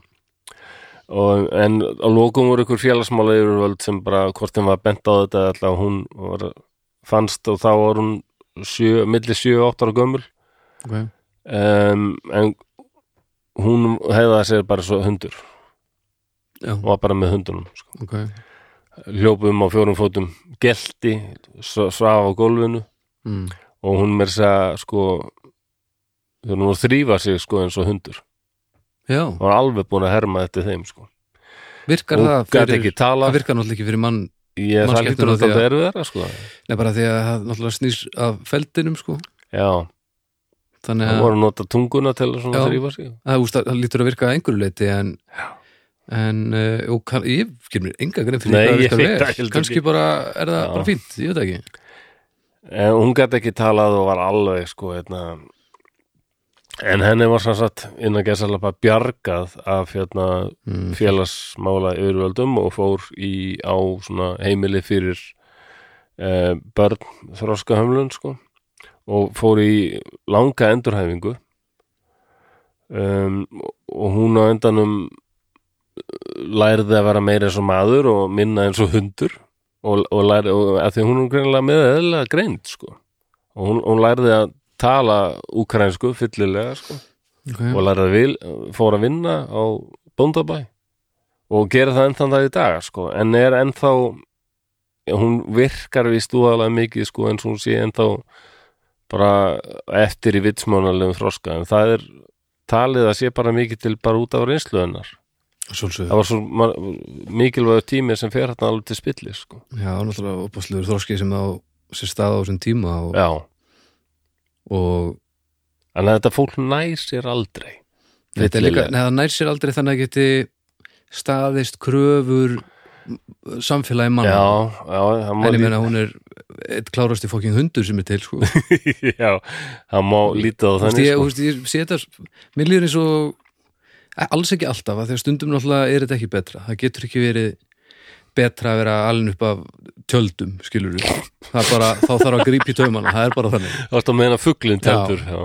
eða kríun, þú getur rétt ímyndað þér hvernig já, ég sá fyrst fyrir mig bara hérna, lítið barn og umkrynd hérna, Já, tjöld, tjöld, já, nei, nei, það er öllu vera líka, Já. en svona, í einhverjum, einhverjum tilfellum þá lítur þetta að vera bjarnagreið að- að að bjarga þeim frá aðstæðum þar sem þau fungera og líður vel í og, já, menar En þú veist, út frá einhverju svona mannréttinda sjónamiðum þá kannski þarf að grípa í taumana já, já, en þú veist, hver, eh, kom einhvern tímann upp að þér aðstæður að þetta er eins og með uh, afskekta ættbálka í Amazon þar sem að það Já, er la- bara á endanum ákveðið að það er ekki í, uh, hagur neins að kynna þau fyrir restina af Nei, heiminum. mitt eins og fólki hérna á sentinel eigi.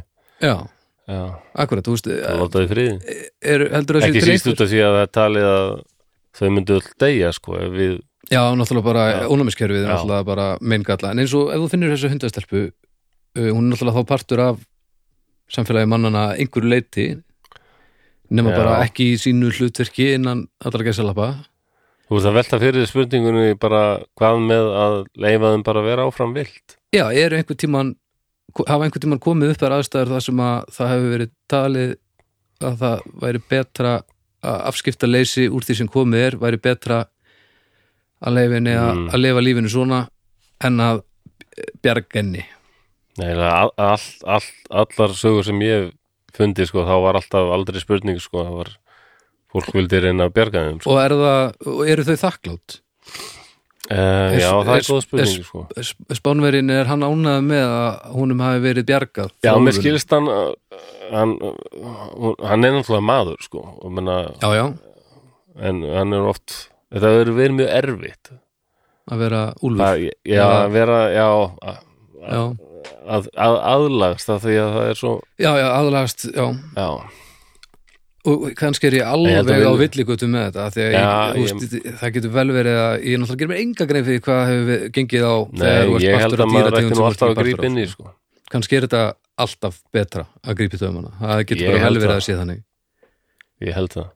en þú lítur að vera ógjöfslega erfitt Það er bara, það lítur að vera alltaf betra líka bara upp á, já, bara eh, heilsusamlegt, til dæmis, sko. já, já, svolsug úst, En, og, ef hann væri enda með lúlfana, ég held að hann væri löngu döður sko.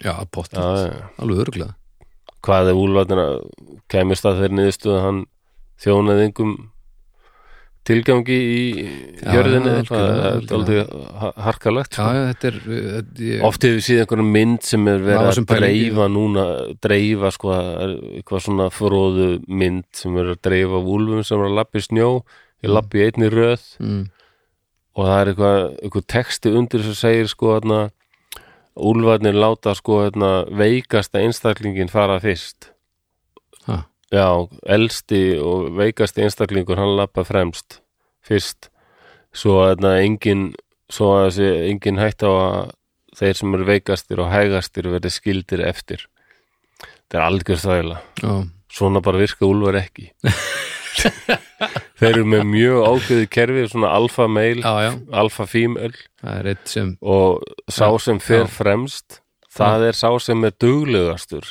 já, að feta slóðina já, það er bara einfalt mál svo sem gerir og græjar já, já, er það stundum svo líka það er yfirleitt karldýra því að þeir eru Já. bara að, þau eru ögt stærri og sterkari sko. já, já, þetta er aldrei erfitt að feta slóð það er- já Þú veitur rétt hérna- ímyndað þér ef að gæsirnar þegar var að fljúa á stað Það var alltaf veikasta gæsin sem væri fremst í ótafluginu já, nákvæmlega Það væri afleitt plan ja, það er bara, já menn dýrin, þetta er harkarlegt líf Já, já, vilta lífið maður ég menna, algjörlega það er alltaf að vera að búa til ykkur svona Disney ímynda dýr mér Það þolir verið að það ekki. mann gera þetta Það er það sem Já, að þess vegna var ég að nefna þetta í byrjun til dæmis en er þetta eitthvað gott að vera að gera svona sögur eins og Mowgli og Lion King og svona, þetta er bara vitleysa Hínur eru ekki vondýr, þau eru alveg einstaklega gáðu dýr og fá dýr sem kunna jætt vel að vinna saman og hafa lært að, að styrkur þeirra er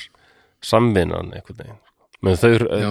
það er rekjað það er rekjað jætt ljón á brott sko En nú er dýrategundir það til að, að losa sig við veikustu Já, dý- já. dýrin Við sem sjáum er- bara heimilisketti mann eh, til að gera það. En nú erum við mitt bara í rosalegri mótsögnum sjálf okkur af því að við erum á móti því að við manngerum dýr og við leggjum blessum, blessun okkar á allt sem að þau gera eins og það að Já, survival of the fittest svo hefur við talað einhvern tímann um að, að, að það sé hræstni að hugsa um mannin utan náttúrunar og, Já, já. og sem verndar plánundunar og samt þurfum við ekki til í að að brefa opnari Adolfs takja ákvörðun um að losa okkur við, þú veist, þetta er, þetta er ógeðsla flókið mál, af því að Já, ég er já. alveg 100% full force á móti því en það þýðir að ég, ég er að gera málamiðlanir einhverstaðar sko já, ok. skilur við hvað ég er að menna Nei, ég er ekki viss um það, nei en náttúrulega með þriðu persónu hugsuninu og allt saman, þá líður mann eins og maður nætti að geta tekið ákvarðanir sem eru ekki engungu præmal Já, nei, nei, gagvart akkúrat. því að, að, að eh, sem sagt, eh, tegundin lifa af þess vegna hugsa ég öðruvísi um mannin heldur en önnur dýr Já, en maðurinn er samt partur af náttúrunni við erum dýrategund já, og við höfum náttúrulega komist að Mér finnst bara við höfum komist að því sem manntegund að við getum hugsað um okkar afkvæmi þótt að það vanti fót eða hendi eða eitthvað svona Já. og já. þau já, geta, já, og þetta fólk getur virkilega lægt eitthvað að mörgum til samfélagsins á ýmsan þá já, já, algjörlega þannig að við erum bara búin að læra það og ættum bara að henda þessu til hersauga þessu arbóta rugli Já, það er náttúrulega algjör steik og, og, og, og þú mátt ekki miskilja mig, ég var Nei. alls ekki að ætla að fara að tala það upp Nei, það er nei, ég bara svo veit fyndið að maður velur að stundum hvenar maður aðskilur mannin frá náttúrunni og hvenar maður hefur hann sem part á náttúrunni það er svolítið, þetta er ekki þetta er ekki ákvörun sem gengur yfir allt já, þetta er nei, einhvern veginn, okkur, já, maður þarf aðeins að djögla þessu til þess að komast að þessum eðlustu, Já. eðlustu niðurstöðu en maður gerir meiri kröfur til mannsins heldur en dýra það er að sjálfsögur gera Já, maður já. það af því að við einfallega erum betur eða þú veist frá okkar sjónaröfni betur upplýst og, og, Já, já. Og, og við getum hugsað um hluti frá öðru sjónaröfni ég er mitt og við erum betur í stakk búin til að hugsa um okkar fólk sko. og bara bregðast við, Menna, við því sem að, sem að ég, kemur maður, upp, sko. já, maður skilur alveg að fæðist hvað heitir það, kolpur eða yrlingur ég vissi það ekki alveg hvað það kallaðist þannig byrjun, Í- úlfakolpur það er yrlingur það fæðist yrlingur sem er mitt, Held- bara eitthvað gallaður að vanta hérna úlfarnir drepan já, að þér vita, hann mun bara deyja hvort þið er já, Já, að vita, það er bara, það er eitthvað eðli já, en við aftur á móti við getum já við, en það við er svo stutt síðan að við vorum einmitt, í, að þetta var bara vinsal hugmyndafræði sko, að þarna einmitt sko, að losa sig við alla, alla svona falla já, sem er En- og- alveg galið en á hinbógin skilum við, sko, ég ég sé að mér er hugsa til kannski einhverja fjölskyldur sem er ekkert með rosalega mikið sterk fjárráð og þau eignast óbáslega falla barn ég skil hvað fer í gegnum höfuðið á f- fólki sko ég skil hugsanir sem komu upp en þú þarft þá að útiloka þá þarftu að endur verð metta líf hvers og eins já, þá þarftu að, að þá þarftu að gengisfella mannslíf já, út frá Hver- materialiskum aðstæðum já.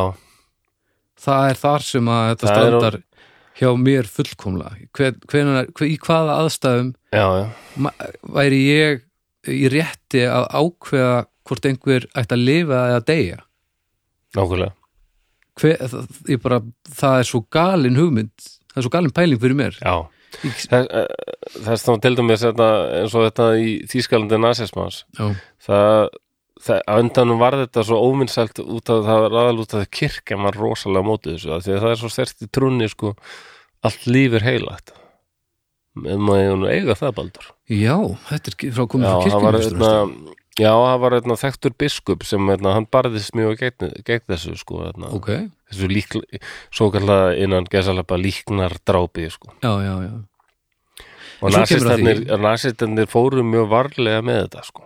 já, bara föllu börnum var bara rænt bara helst sko já þeir, okkur um gestapú já, þeir Agentum, sérst viss, sko. viss alveg þeir væri í órétti já þetta voru kallað svona eh, þeir kölluðu þetta nátt und nebel Ná, Já. nó, nótt og þoka Svo þetta bara, þetta fólk átti bara að hverfa hljóðlega, já, ok, enginn fengi að vita neitt já en svo, það er ekkert svo langt síðan en svo er ég 100% með í liði að, að líknardróp sem sagt að einstaklingurinn ætti að fá að, að velja hvenar hann deyr já, ef að ég fæ ólæknandi sjúkdóm og ég er byrjaður að, hann er byrjaður að vinna á mér og ég er ekki til í þessum koma skal nei, þá vil ég fá að taka ákvörun um það lögulega já að ég sé látin fara sko. Nú höfum við báðið náttúrulega reynslu af því að sjá fólk bara tærast upp og verða bara Já. einhverju innan tómi hilki og Já. bara persónuleikin er löngu farin það er bara, akkurat og það er svo skrítið eins og með pappa þegar að kemur fjórða lúnabólgan að það það þarf að gera allt sem eh, mögulega er hægt til þess að halda skrokkum gangandi já, þegar að væri langbest fyrir alla að gera það ekki sko. Já, alveg já, þetta er- langbest sko. þetta er mjög svona og eins og Terry Pratchett sko, sem fær allsömmir og fer og skoðar það hérna, hittir annan mann sem er langveikur í heimildamitt þáttunum hann, sástu það?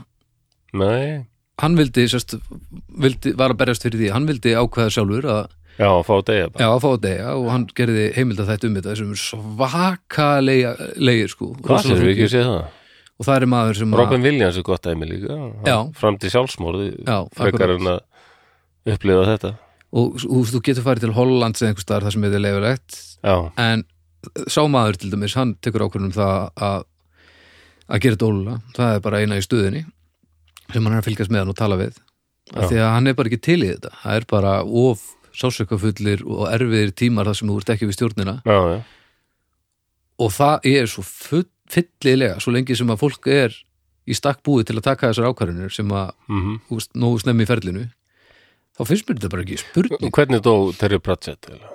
ég held að hann hefði bara dáið á gamla mátan bara, Hann leiði sjúkdónum bara að taka yfir og- ég, ég held að hann hefði bara já, en þetta er alveg mér finnst alveg galið að taka ákvarðunum valdi frá einstaklingum þarna sko, Já, það þarf vissulega gangur skuggum um að einstaklingur sé nógu heill til þess að taka þess ákvarðunum já, og svo líka það Þetta er hérna- þetta er náttúrulega flókið Já, já, þetta uh, er það. að því að þetta dauði einstakling snýst ekki bara um með einstaklingin fyrir að hverjum bólusetning Nei. skilur þannig að þetta er flókið en oft á tíðum þá er þetta skiljanlegt sko? e, já, ég mér finnst það bara já, mér finnst galið að loka alveg á það að fólk geti ákveð hvernig það deyr þegar það stendur frammi fyrir einhver snúki Já, já Já, ég átti ekki, hvað átti ég?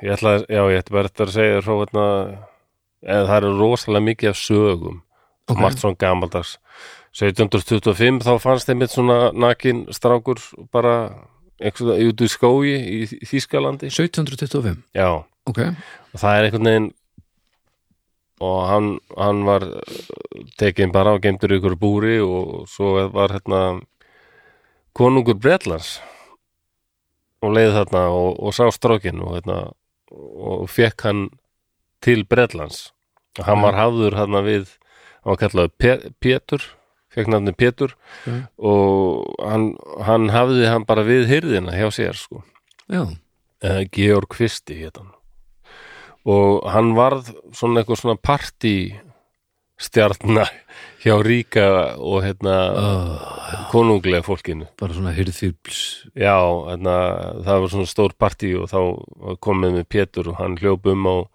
fjórum fótum var þetta úlfa, og hérna úlfamál? átt, átt bara eins og dýr já, já.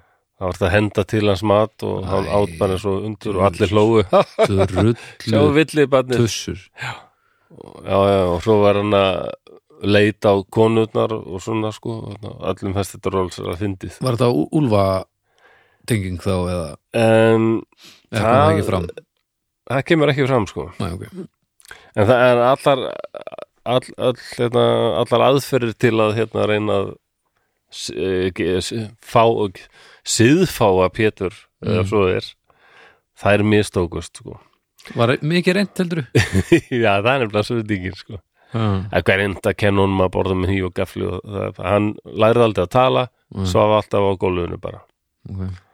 um, og það telja margir í dag að hann hafi einmitt verið bara yfirgefin og hann hafi mögulega verið með það sem heitir Pitt Hopkins uh, heilkenni Pitt Hopkins já, það er hérna það lýsir sér í því að það er daldið svipað og einhverfa sko, ok, skilst mér, já já, ok En hérna, börn sem eru með Pitt Hopkins þau eru oft sko ósalega uh, glaðleg og, og svona mjög lífleg ok, þess að það er og hérna er oft til með að br- brosa mikið og hlæja mikið þannig að það útskýri kannski hérna af hverju hérna kongafólkinu fannst hann svona skemmtilegur kongafólk Fúki kongafólk hvað er að þessu liði? Já, en þetta er töluvert mikil föllun sko Samt. Okay. En Þetta, þetta, er þetta rosa- veistu, oft tengjast einmitt hérna, einhverfu ADHD og svona sko. Já. þetta er, þetta er eitthvað, eitthvað kromosóma Já. þessin, ok genetíst sko. en djúlur þetta mörg mál það er fullt af svona málum sko. en, nú, en lýsingar á þessum Peter það er uh, mjög margir læknar á því að þetta sé bara alveg ekta Pitt Hopkins ah, já, lýsingar sko. ok já, var ég með eitthvað meira en þetta já, ég mæli með þetta ég, eh, bara já, ég komst bara ekki í það en, en eh, hann þetta Marcos Rodríguez Pantoja spænski, mm. eða googlið þetta úlfamaðurinn spænski mm.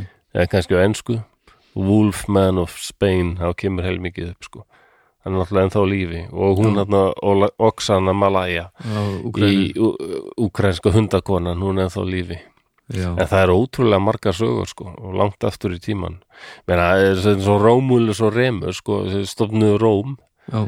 það er sama með þá hvort er hérna mamma Re- er að dó eða eitthvað. Rómulus og Remus já, það hljómar svo eins og eitthvað sem að þegar maður er að panta sér pilsu þá ætla maður að fá sér, ég ætla að fá eina hérna með Rómulus og, og Remus er það? og Ráum En þetta er náttúrulega einkenni rómar sko, það eru úlfur og það eru tveir strákar sem eru að sjúga spenan á úlfunum því að það var úlfur sem tók þau að sér sko.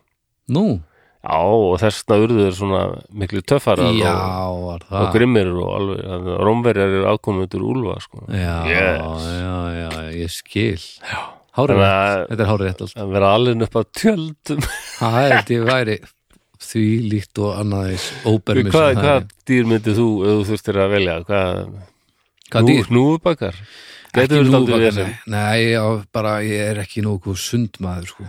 Nei um, þetta Annað, e- ef, já, ekki fyrir það staðarind að ég er landýr en ég myndi að klárlega velja eitthvað í sjónum, sko, háhyrninga, höfrunga háirninga, þú ert ekki og grimmur til þess að vera partur af háirningunum mm, Ertu ekki nei. bara, ertu ekki bara En ég er náttúrulega maður, þannig að ég, Já, en ég meina ég þannig ég að held þú þú get verið langt í grimdin í Er mér þetta held ekki ég, sko. fyrirtags marglita? Ég, ég, ég er marglita Já, já, ég meina þá þegar að- Nei, ég Svona ég- ofa, þegar þú ert svona Ég er svo alveg lélegur í að brenna fólk Já, en ef þú ert svona bytn í sjónum og ma- út samt neðansjávar þá held ég að þú lítir svipa út svona ofanfrá alveg upp á marglita Já, þú veist alveg upp allavega Það ég myndi bara að detti þetta sem ég Ok, en þú, hvað er þetta?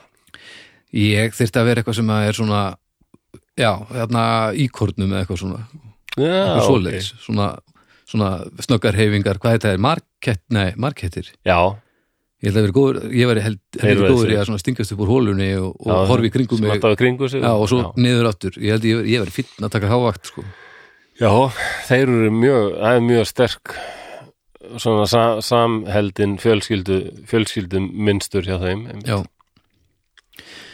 leiðilegustu börnin væri held ég alveg upp að gæsum sennilega Maður er nú þreyttur og svona híin og börnum samt alltaf hérna. já, en Eh. hinn eru samt svo mögnuð dýr sem gæsir eru ekki pælti að væri Já, að það væri bara svona alltaf einn ein, og einn og einn krakki hérna upp á umfyrægjum og tækir sér síðan skítandi kortir, og svona kortir í að lappi við og, hýrsandi, já, hvæsandi á hýrsandi allir mann á hérna.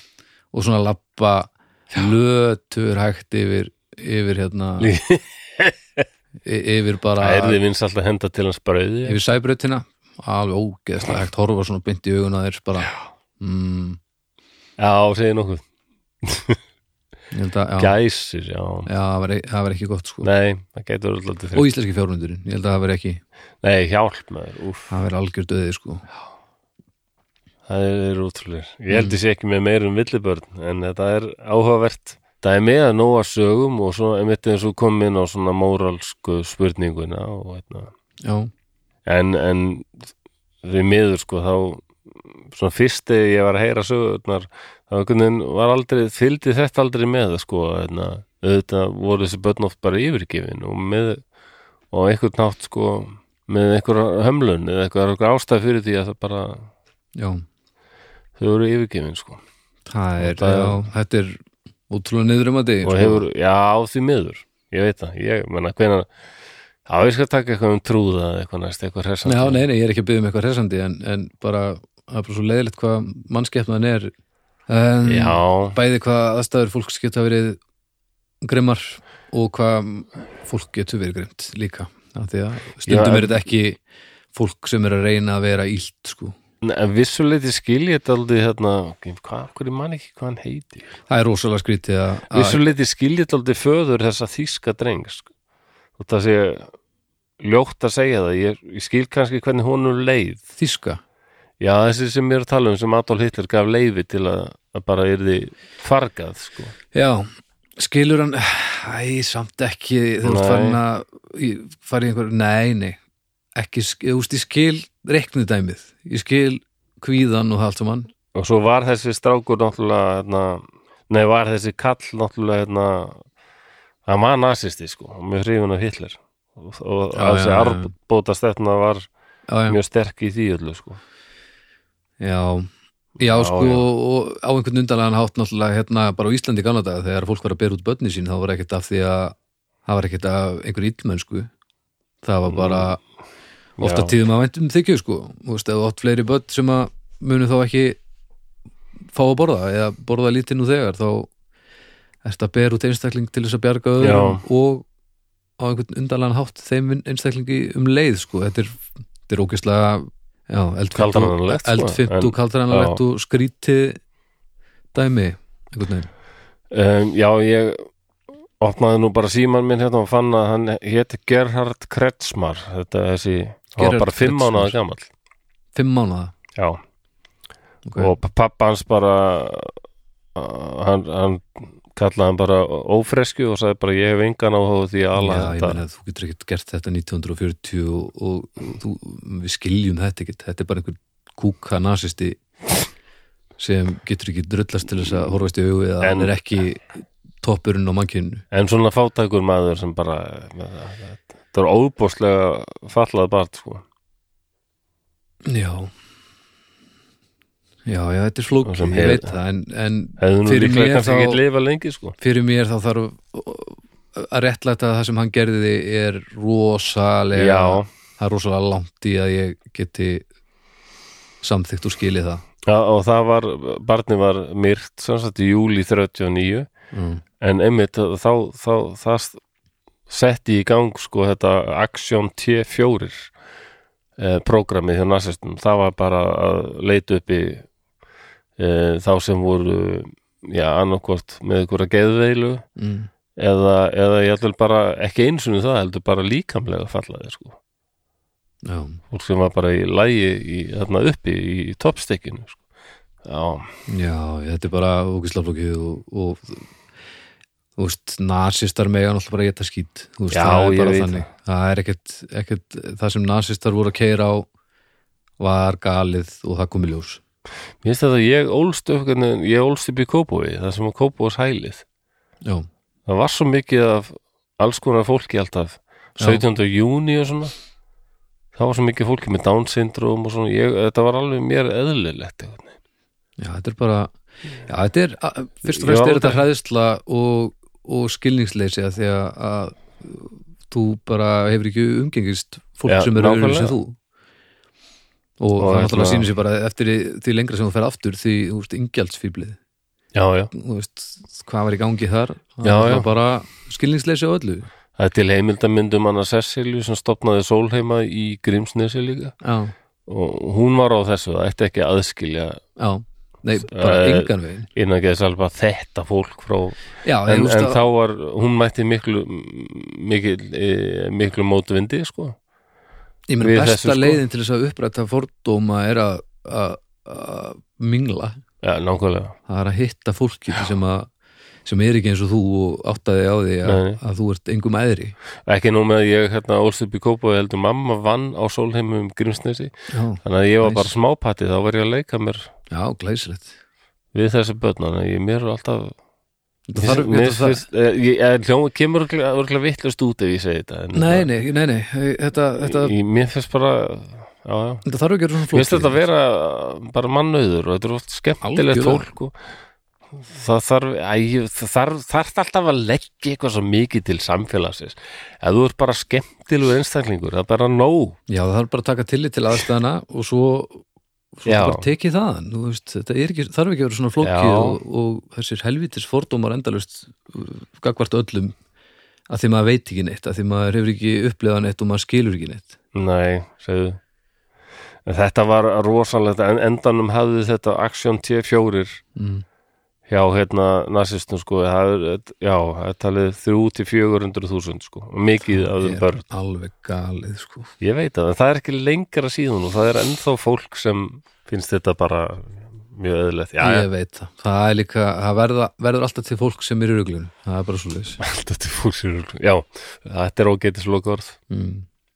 þetta var mjög áhugavert Já, það er ekki jú, alveg, rosalega áhugavert Já, og það eru, já, fyr- fyrst það eru til svona margar sögur þá er ekki að poppa upp einhverjar, einhverjar já, já, aðrar upp á umræðahópnum og endilega það væri gaman að sjá ef þið finnið eitthvað til mér frá þessum spænska það sem hann er að tala um úlfatíman Já, ég skal nú finna eitthvað og setja eitthvað inn ég er Það, nú með, með mann það var þetta innslag frá BBC sem ég bara náði ekki að hlusta á horfa á Jú, og ef þetta er ekki textað eða eitthvað þá er nú fólk að núti sem tala spænsku við erum nú með sagfræðing sem ég veit að það er að hlusta yngvi, blessaður yngvi minn hann hérna er nú, Okkur heldur hann sé að hlusta að því hann sendi mér skilabóð í gær Hann er bara búin að loka sig af í einhverjum helli á Spáni og talar ekki við neitt nú er það Nei, ég veit ekki Nei, ég held að bara, bara þvert á móti hann, Já, já, bara, ok. hann var bara að segja uh, þetta, já, er eitthvað skemmt, ég var eitthvað að segja um eitthvað snar Er hann að fara að flytja heim og hætta þessari vitleysu að vera eitthvað að þælast á Nei, Spáni ég held ekki, ekki svo ég viti en, Nei, en ok. það verður nú gott að fá hann heim en, en uh, verður við ekki að leifa honum að ráða þessu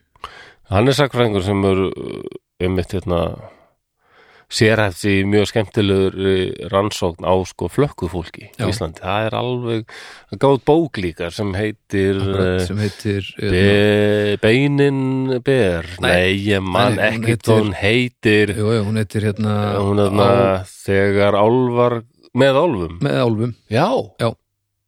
Vá, þetta kom allt inn upp um minnunum maður. Já, þetta, það er magnaða lýsingar maður.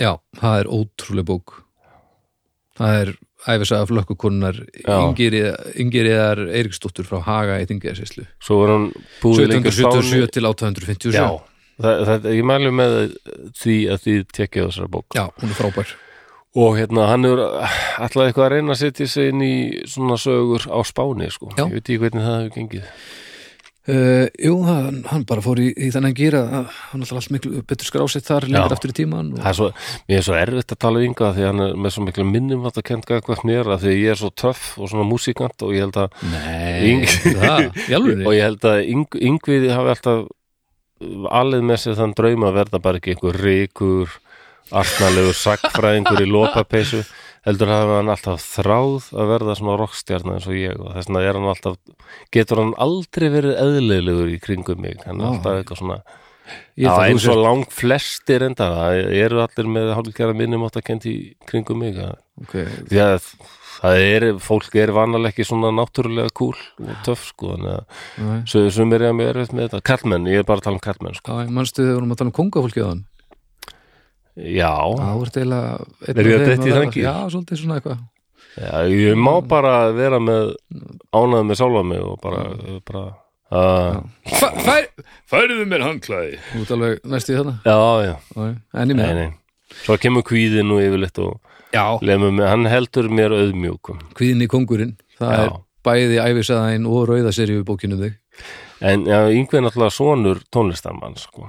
Já, já, heldur betur Gítarkennarans mikla á, Vili Já, þeir feðgar eru alveg og þú- svo fjölskylda það bara öll mögnuð Já Vá, ég ætla nú bara að segja, ég ætla að beða Ingu um að þýða þetta en nú eru bara búin að Já. tala um mér mjög lengi um hann Ingu, en Já, ég það er að var- tekja ég- bókinni, hún er æðisleg Það er svo gaman að geta hraunað yfir eitthvað hérna sem er ekki á staðnum það er eitthvað Ég alveg, líka hraun yfir Ingu, af hverju ósköpunum það er bara gaman Já, já, við- við- já, vinur um vinum verstir það er já, þú þannig verður sem það er þú verður að hafa gaman að en það var eitthvað með sagfræði sem ég ætlaði að segja þér já, ég er búin að, ég skráði mig í háskólanám og var samþektur þessu Nei, þannig ég er að fara aftur í háskólan í, í, í haust já Ok, ég hagnýta menningar miðlun já, það flósi verða fræðingur í því að vera fyrir fram að svona mikrofón Já. og segja fólki hvað sagan er skemmtileg Já, já, já, já og ætla, já, sérstaklega hlaðvarp held ég að sé rosalega gott Glæsilegt, tæki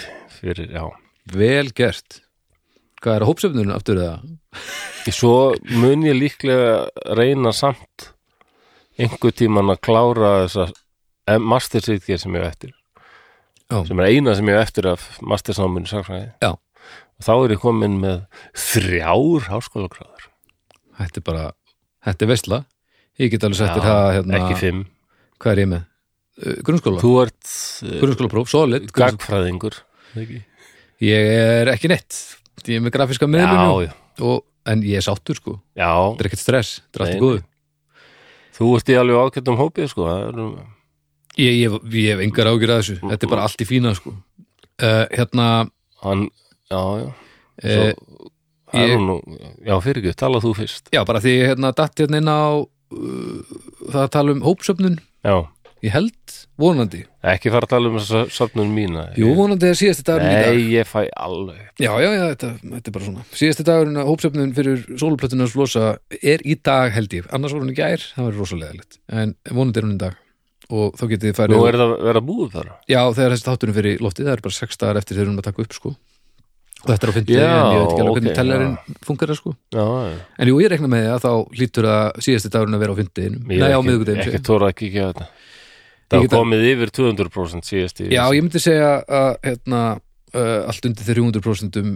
það er, það er hérna það er mistök Já, það er bara það- það Alveg er misjafnt. Alveg eins geta slett þessu sko En ég get þetta að núna stendur þetta í uh, 221% já ég var alveg samfærður um Þetta er það alveg- að þetta alveg myndi hafast. ekki ná einu hundraði Nei, 100 og ég þyrfti sjálfur að setja inn einhverju upphæð í Já. endan til að bara þetta og þá lærdomurinn að 100. því er að, að þú ert uh, ekki véfrétt ha, Þú ert ekki véfrétt er það sem ég já læri við er frétt, nei, Um, Já. nei, nei og það ég held að sjá ágætt að þú skráður í frekara sakfræði námen já, markarsfræði eða eitthvað ég ég greinlega er fullur af sjálfsvannmati kannski Já, já, það held ég Þess sem vegna var ég að prófa eitthvað nýtt hérna áðan með því að vera eitthvað svona, já ég er vist svo cool og töff Já, þú mennar Já, en þér leist ekkert á það Nei, þetta var svo, þetta var svo ónáttúrulegt Þetta var eitthvað svo skrítið uh, Þú ert alveg kúl og töff, sko, ég segi það ekki en, en að vera eitthvað svona sjálfbyrgingslegur og svona já og svona, maður má, þú mátt ekki vera svona meðvitaður um það, sko af því Þá Nei, það er, það er alveg rétt Það er, þannig fólk er ekki meðvitað kúl virkar sjaldan Fólk sem er alltaf að tala um sig sem hérna, Já, að ég gerir þetta og þetta en, já. já, að upphefða sjálfum sig er yfirleitt bara besta leiðin til þess að- að steipa sér í glötun, sko Mér er alveg gaman að því að fólk er að segja að frá einhverju sjálfu sér og hvernig það einhvern veginn talaði við einhvern gaur og öðna, sem hafði rámt fyrir sér og Mhm. var algjör fáti Mm. Þannig að her- þegar ég er að herfndi mér og ég sagði bara, já, nú, hvað okkur má ekki fara inn og þá sagði hann eitthvað þetta, já, það, það er bara að banna það er ekki verið maður gerir þetta alltaf, en hérna, mann stættur þetta fórsparar sketsinu þess að þeir snýru þessu við Nei og, og Sigur hann verka já, hann leta einmitt svona með skúrin sko hann kom einhvað mér og sagði hérna örðum átt ekki fæðin í skúrin og ég sagði bara við hann hvað, akkur maður ekki færi skúrin og þegar það og hann var bara góð, já, bara bannað ég sagði bara, já, ég gerði það bara samt Vá, skemmtilegur þegar maður pælir ekki, maður gerir bara reytir röddinu alltaf svona sko. Það verið gott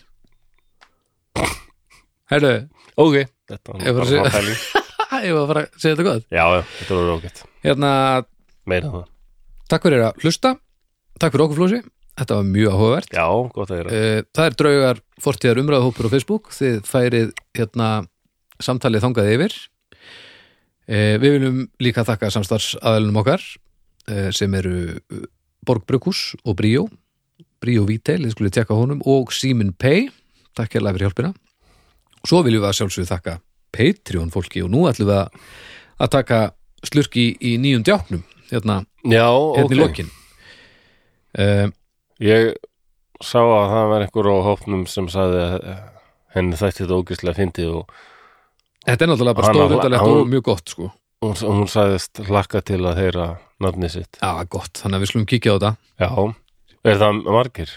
Þetta eru nokkrir Sindri Bessason Uh, Yrnis, Nossasepp, okay.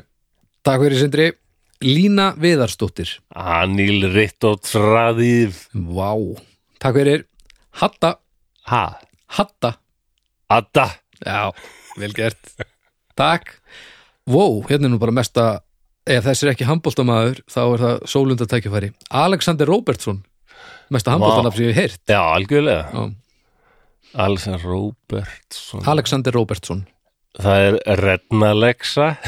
Redna Lexa Redna Rednalexa. Xela Ró... Nostróper.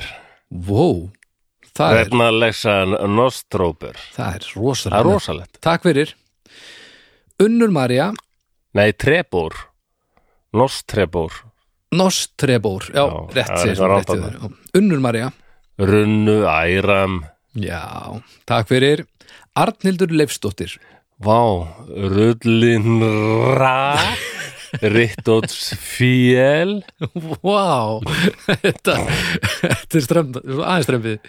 Þetta aldrei Takk fyrir, Einar Magnús, Rania Sungam jú já, takk, Þorsteinn Axfjörð, Níets Ha?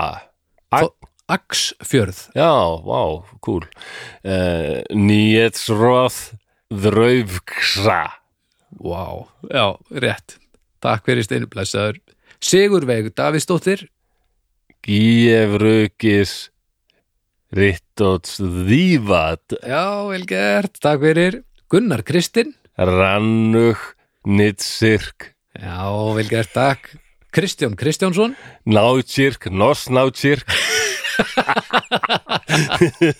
takk fyrir, Snorri Gunnarsson, Irr, það- Irrons Nosrannug Irrons, Irrons takk, Irrons Ástís Hrund, Sítsá Dunur Wow. Takk fyrir aðalsteitt kjartan Nýetslaða Natræk Mjög gott Takk Þetta er fyrir svo eitthvað voðalegt tungumál úr Star Trek eða eitthvað Kristinn Uni Nitsirk innu Ó já Takk fyrir Rafnildur Þórólfsdóttir Ó, rullin far Þórólfsdóttir Þórólfsdóttir Hvað er að þessari mannsku heita svona Þetta Þetta er fallegt nafn, verð ekki með þetta Jú, jú Áfram Rullin Rullin Rullin Rullin Rullin Far Já Rittóts Flóróð Það Vá er ekki Ég held Jú það. Vel gert takk fyrir Úff, Og að lokum Þórhallur Kristjánsson Rullaróð Nosnátt sirk Á lokum, ok Að lokum já Já, oh my god Takk kærlega fyrir Já, takk okkur æðislega fyrir Kæri djáknar og allir sem eru á Patreon stuðningin maður Já, þetta er algjörlega frábært og Ó. við tölum um það í síðasta þetta að, að nú getum við búið ykkur upp á að, hérna, að uh, skuldbinda, skuldbinda ykkur Já. í ár á Patreon og þá fáið tvo mánuði af þessum tólf fría Ó, þetta minnir mig á þau einu sinni því ég var blindfullur Já, Já, ég er bara leiðin heim, ég átti heim upp á þri- þriðju hæð og það var bara erfitt að komast upp og ég komin sá bara þegar ég var kom, kom upp á fyrstu hæðina þá hérna þá mætti ég bara krókódíl og, og, og nei, ok Jú, og hann, hann, sagði, hann glott eitthvað að mér og sagði bara "Ah, fullur og ég bara hristi hausinn eitthvað hvað djöðl, farin að sjá ofsjónir kom ég upp að aðra heið og einna, þá er hann þar aftur segir bara "Ah, fullur og ég var brjálaður og sagði heyrðu, gera þetta einu sinni enn þá reki hendin upp í kjæftun á þér og gríp í halan á þér og snýðir við svo þú verður útkverfur okay. og ég fyrir på næstu hæð og það er hann bara, eh, fullur og ég gerir þetta bara inn, inn í kjæftin honum alveg og gríp í endan og kippi í Það er eins og og kota er það er bara- útkvörur ha, eins og kota er já, eitthvað svolítið Já. kem svo upp á næstu hæð og það er hann enn nema hann er náttúrulega allur útkvörur og skrítin og hann glottir og segir rulluf Aha.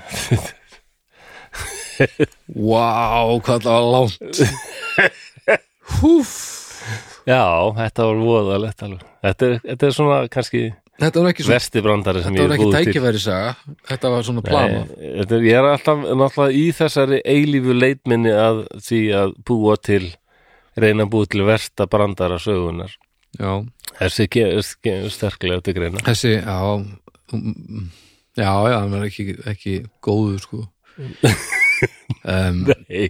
En þú getur alveg bætt nokkrum hæðum í blokkina ef þú vilt gera hann ennveri já, að, já, það er rétt Kró, Af hverju krókudíll? bjóð upp á nýjundu hæð Af hverju krókudíll? já, Af hverju, já, svona glottandi krokodíl það er, það er alltaf eins og þeir séu alltaf glottandi sko. já, en Það er svo auðvitað að sjá og svo náttúrulega verður erfiðar að gera þarna með ljón sko að tegja sig og Mér- kippi mér- ég var bara sko. svona velta fyrir mér að því að kannski bara eitthvað sem talar þú veist af því að, Já, meinar, já en ég meina kannski er þetta eins og með dýrin hálskói út bara að náti krakkana, ég veit ekki Já, jú, það, þetta, er fyrir Sem börn, að- þetta er fyrir börn sko. Herru, við höldum- Krokodílar og svo barnvænir já, já, nákvæmlega við höldum áfram Já, a- já. a- eftir þetta uh, hver, uh, já, þetta sló mig alveg út af læginu maður. Nei, Þetta það var- er- já, ég alveg bara já, hérna Það slóðu út á rocklæginu bara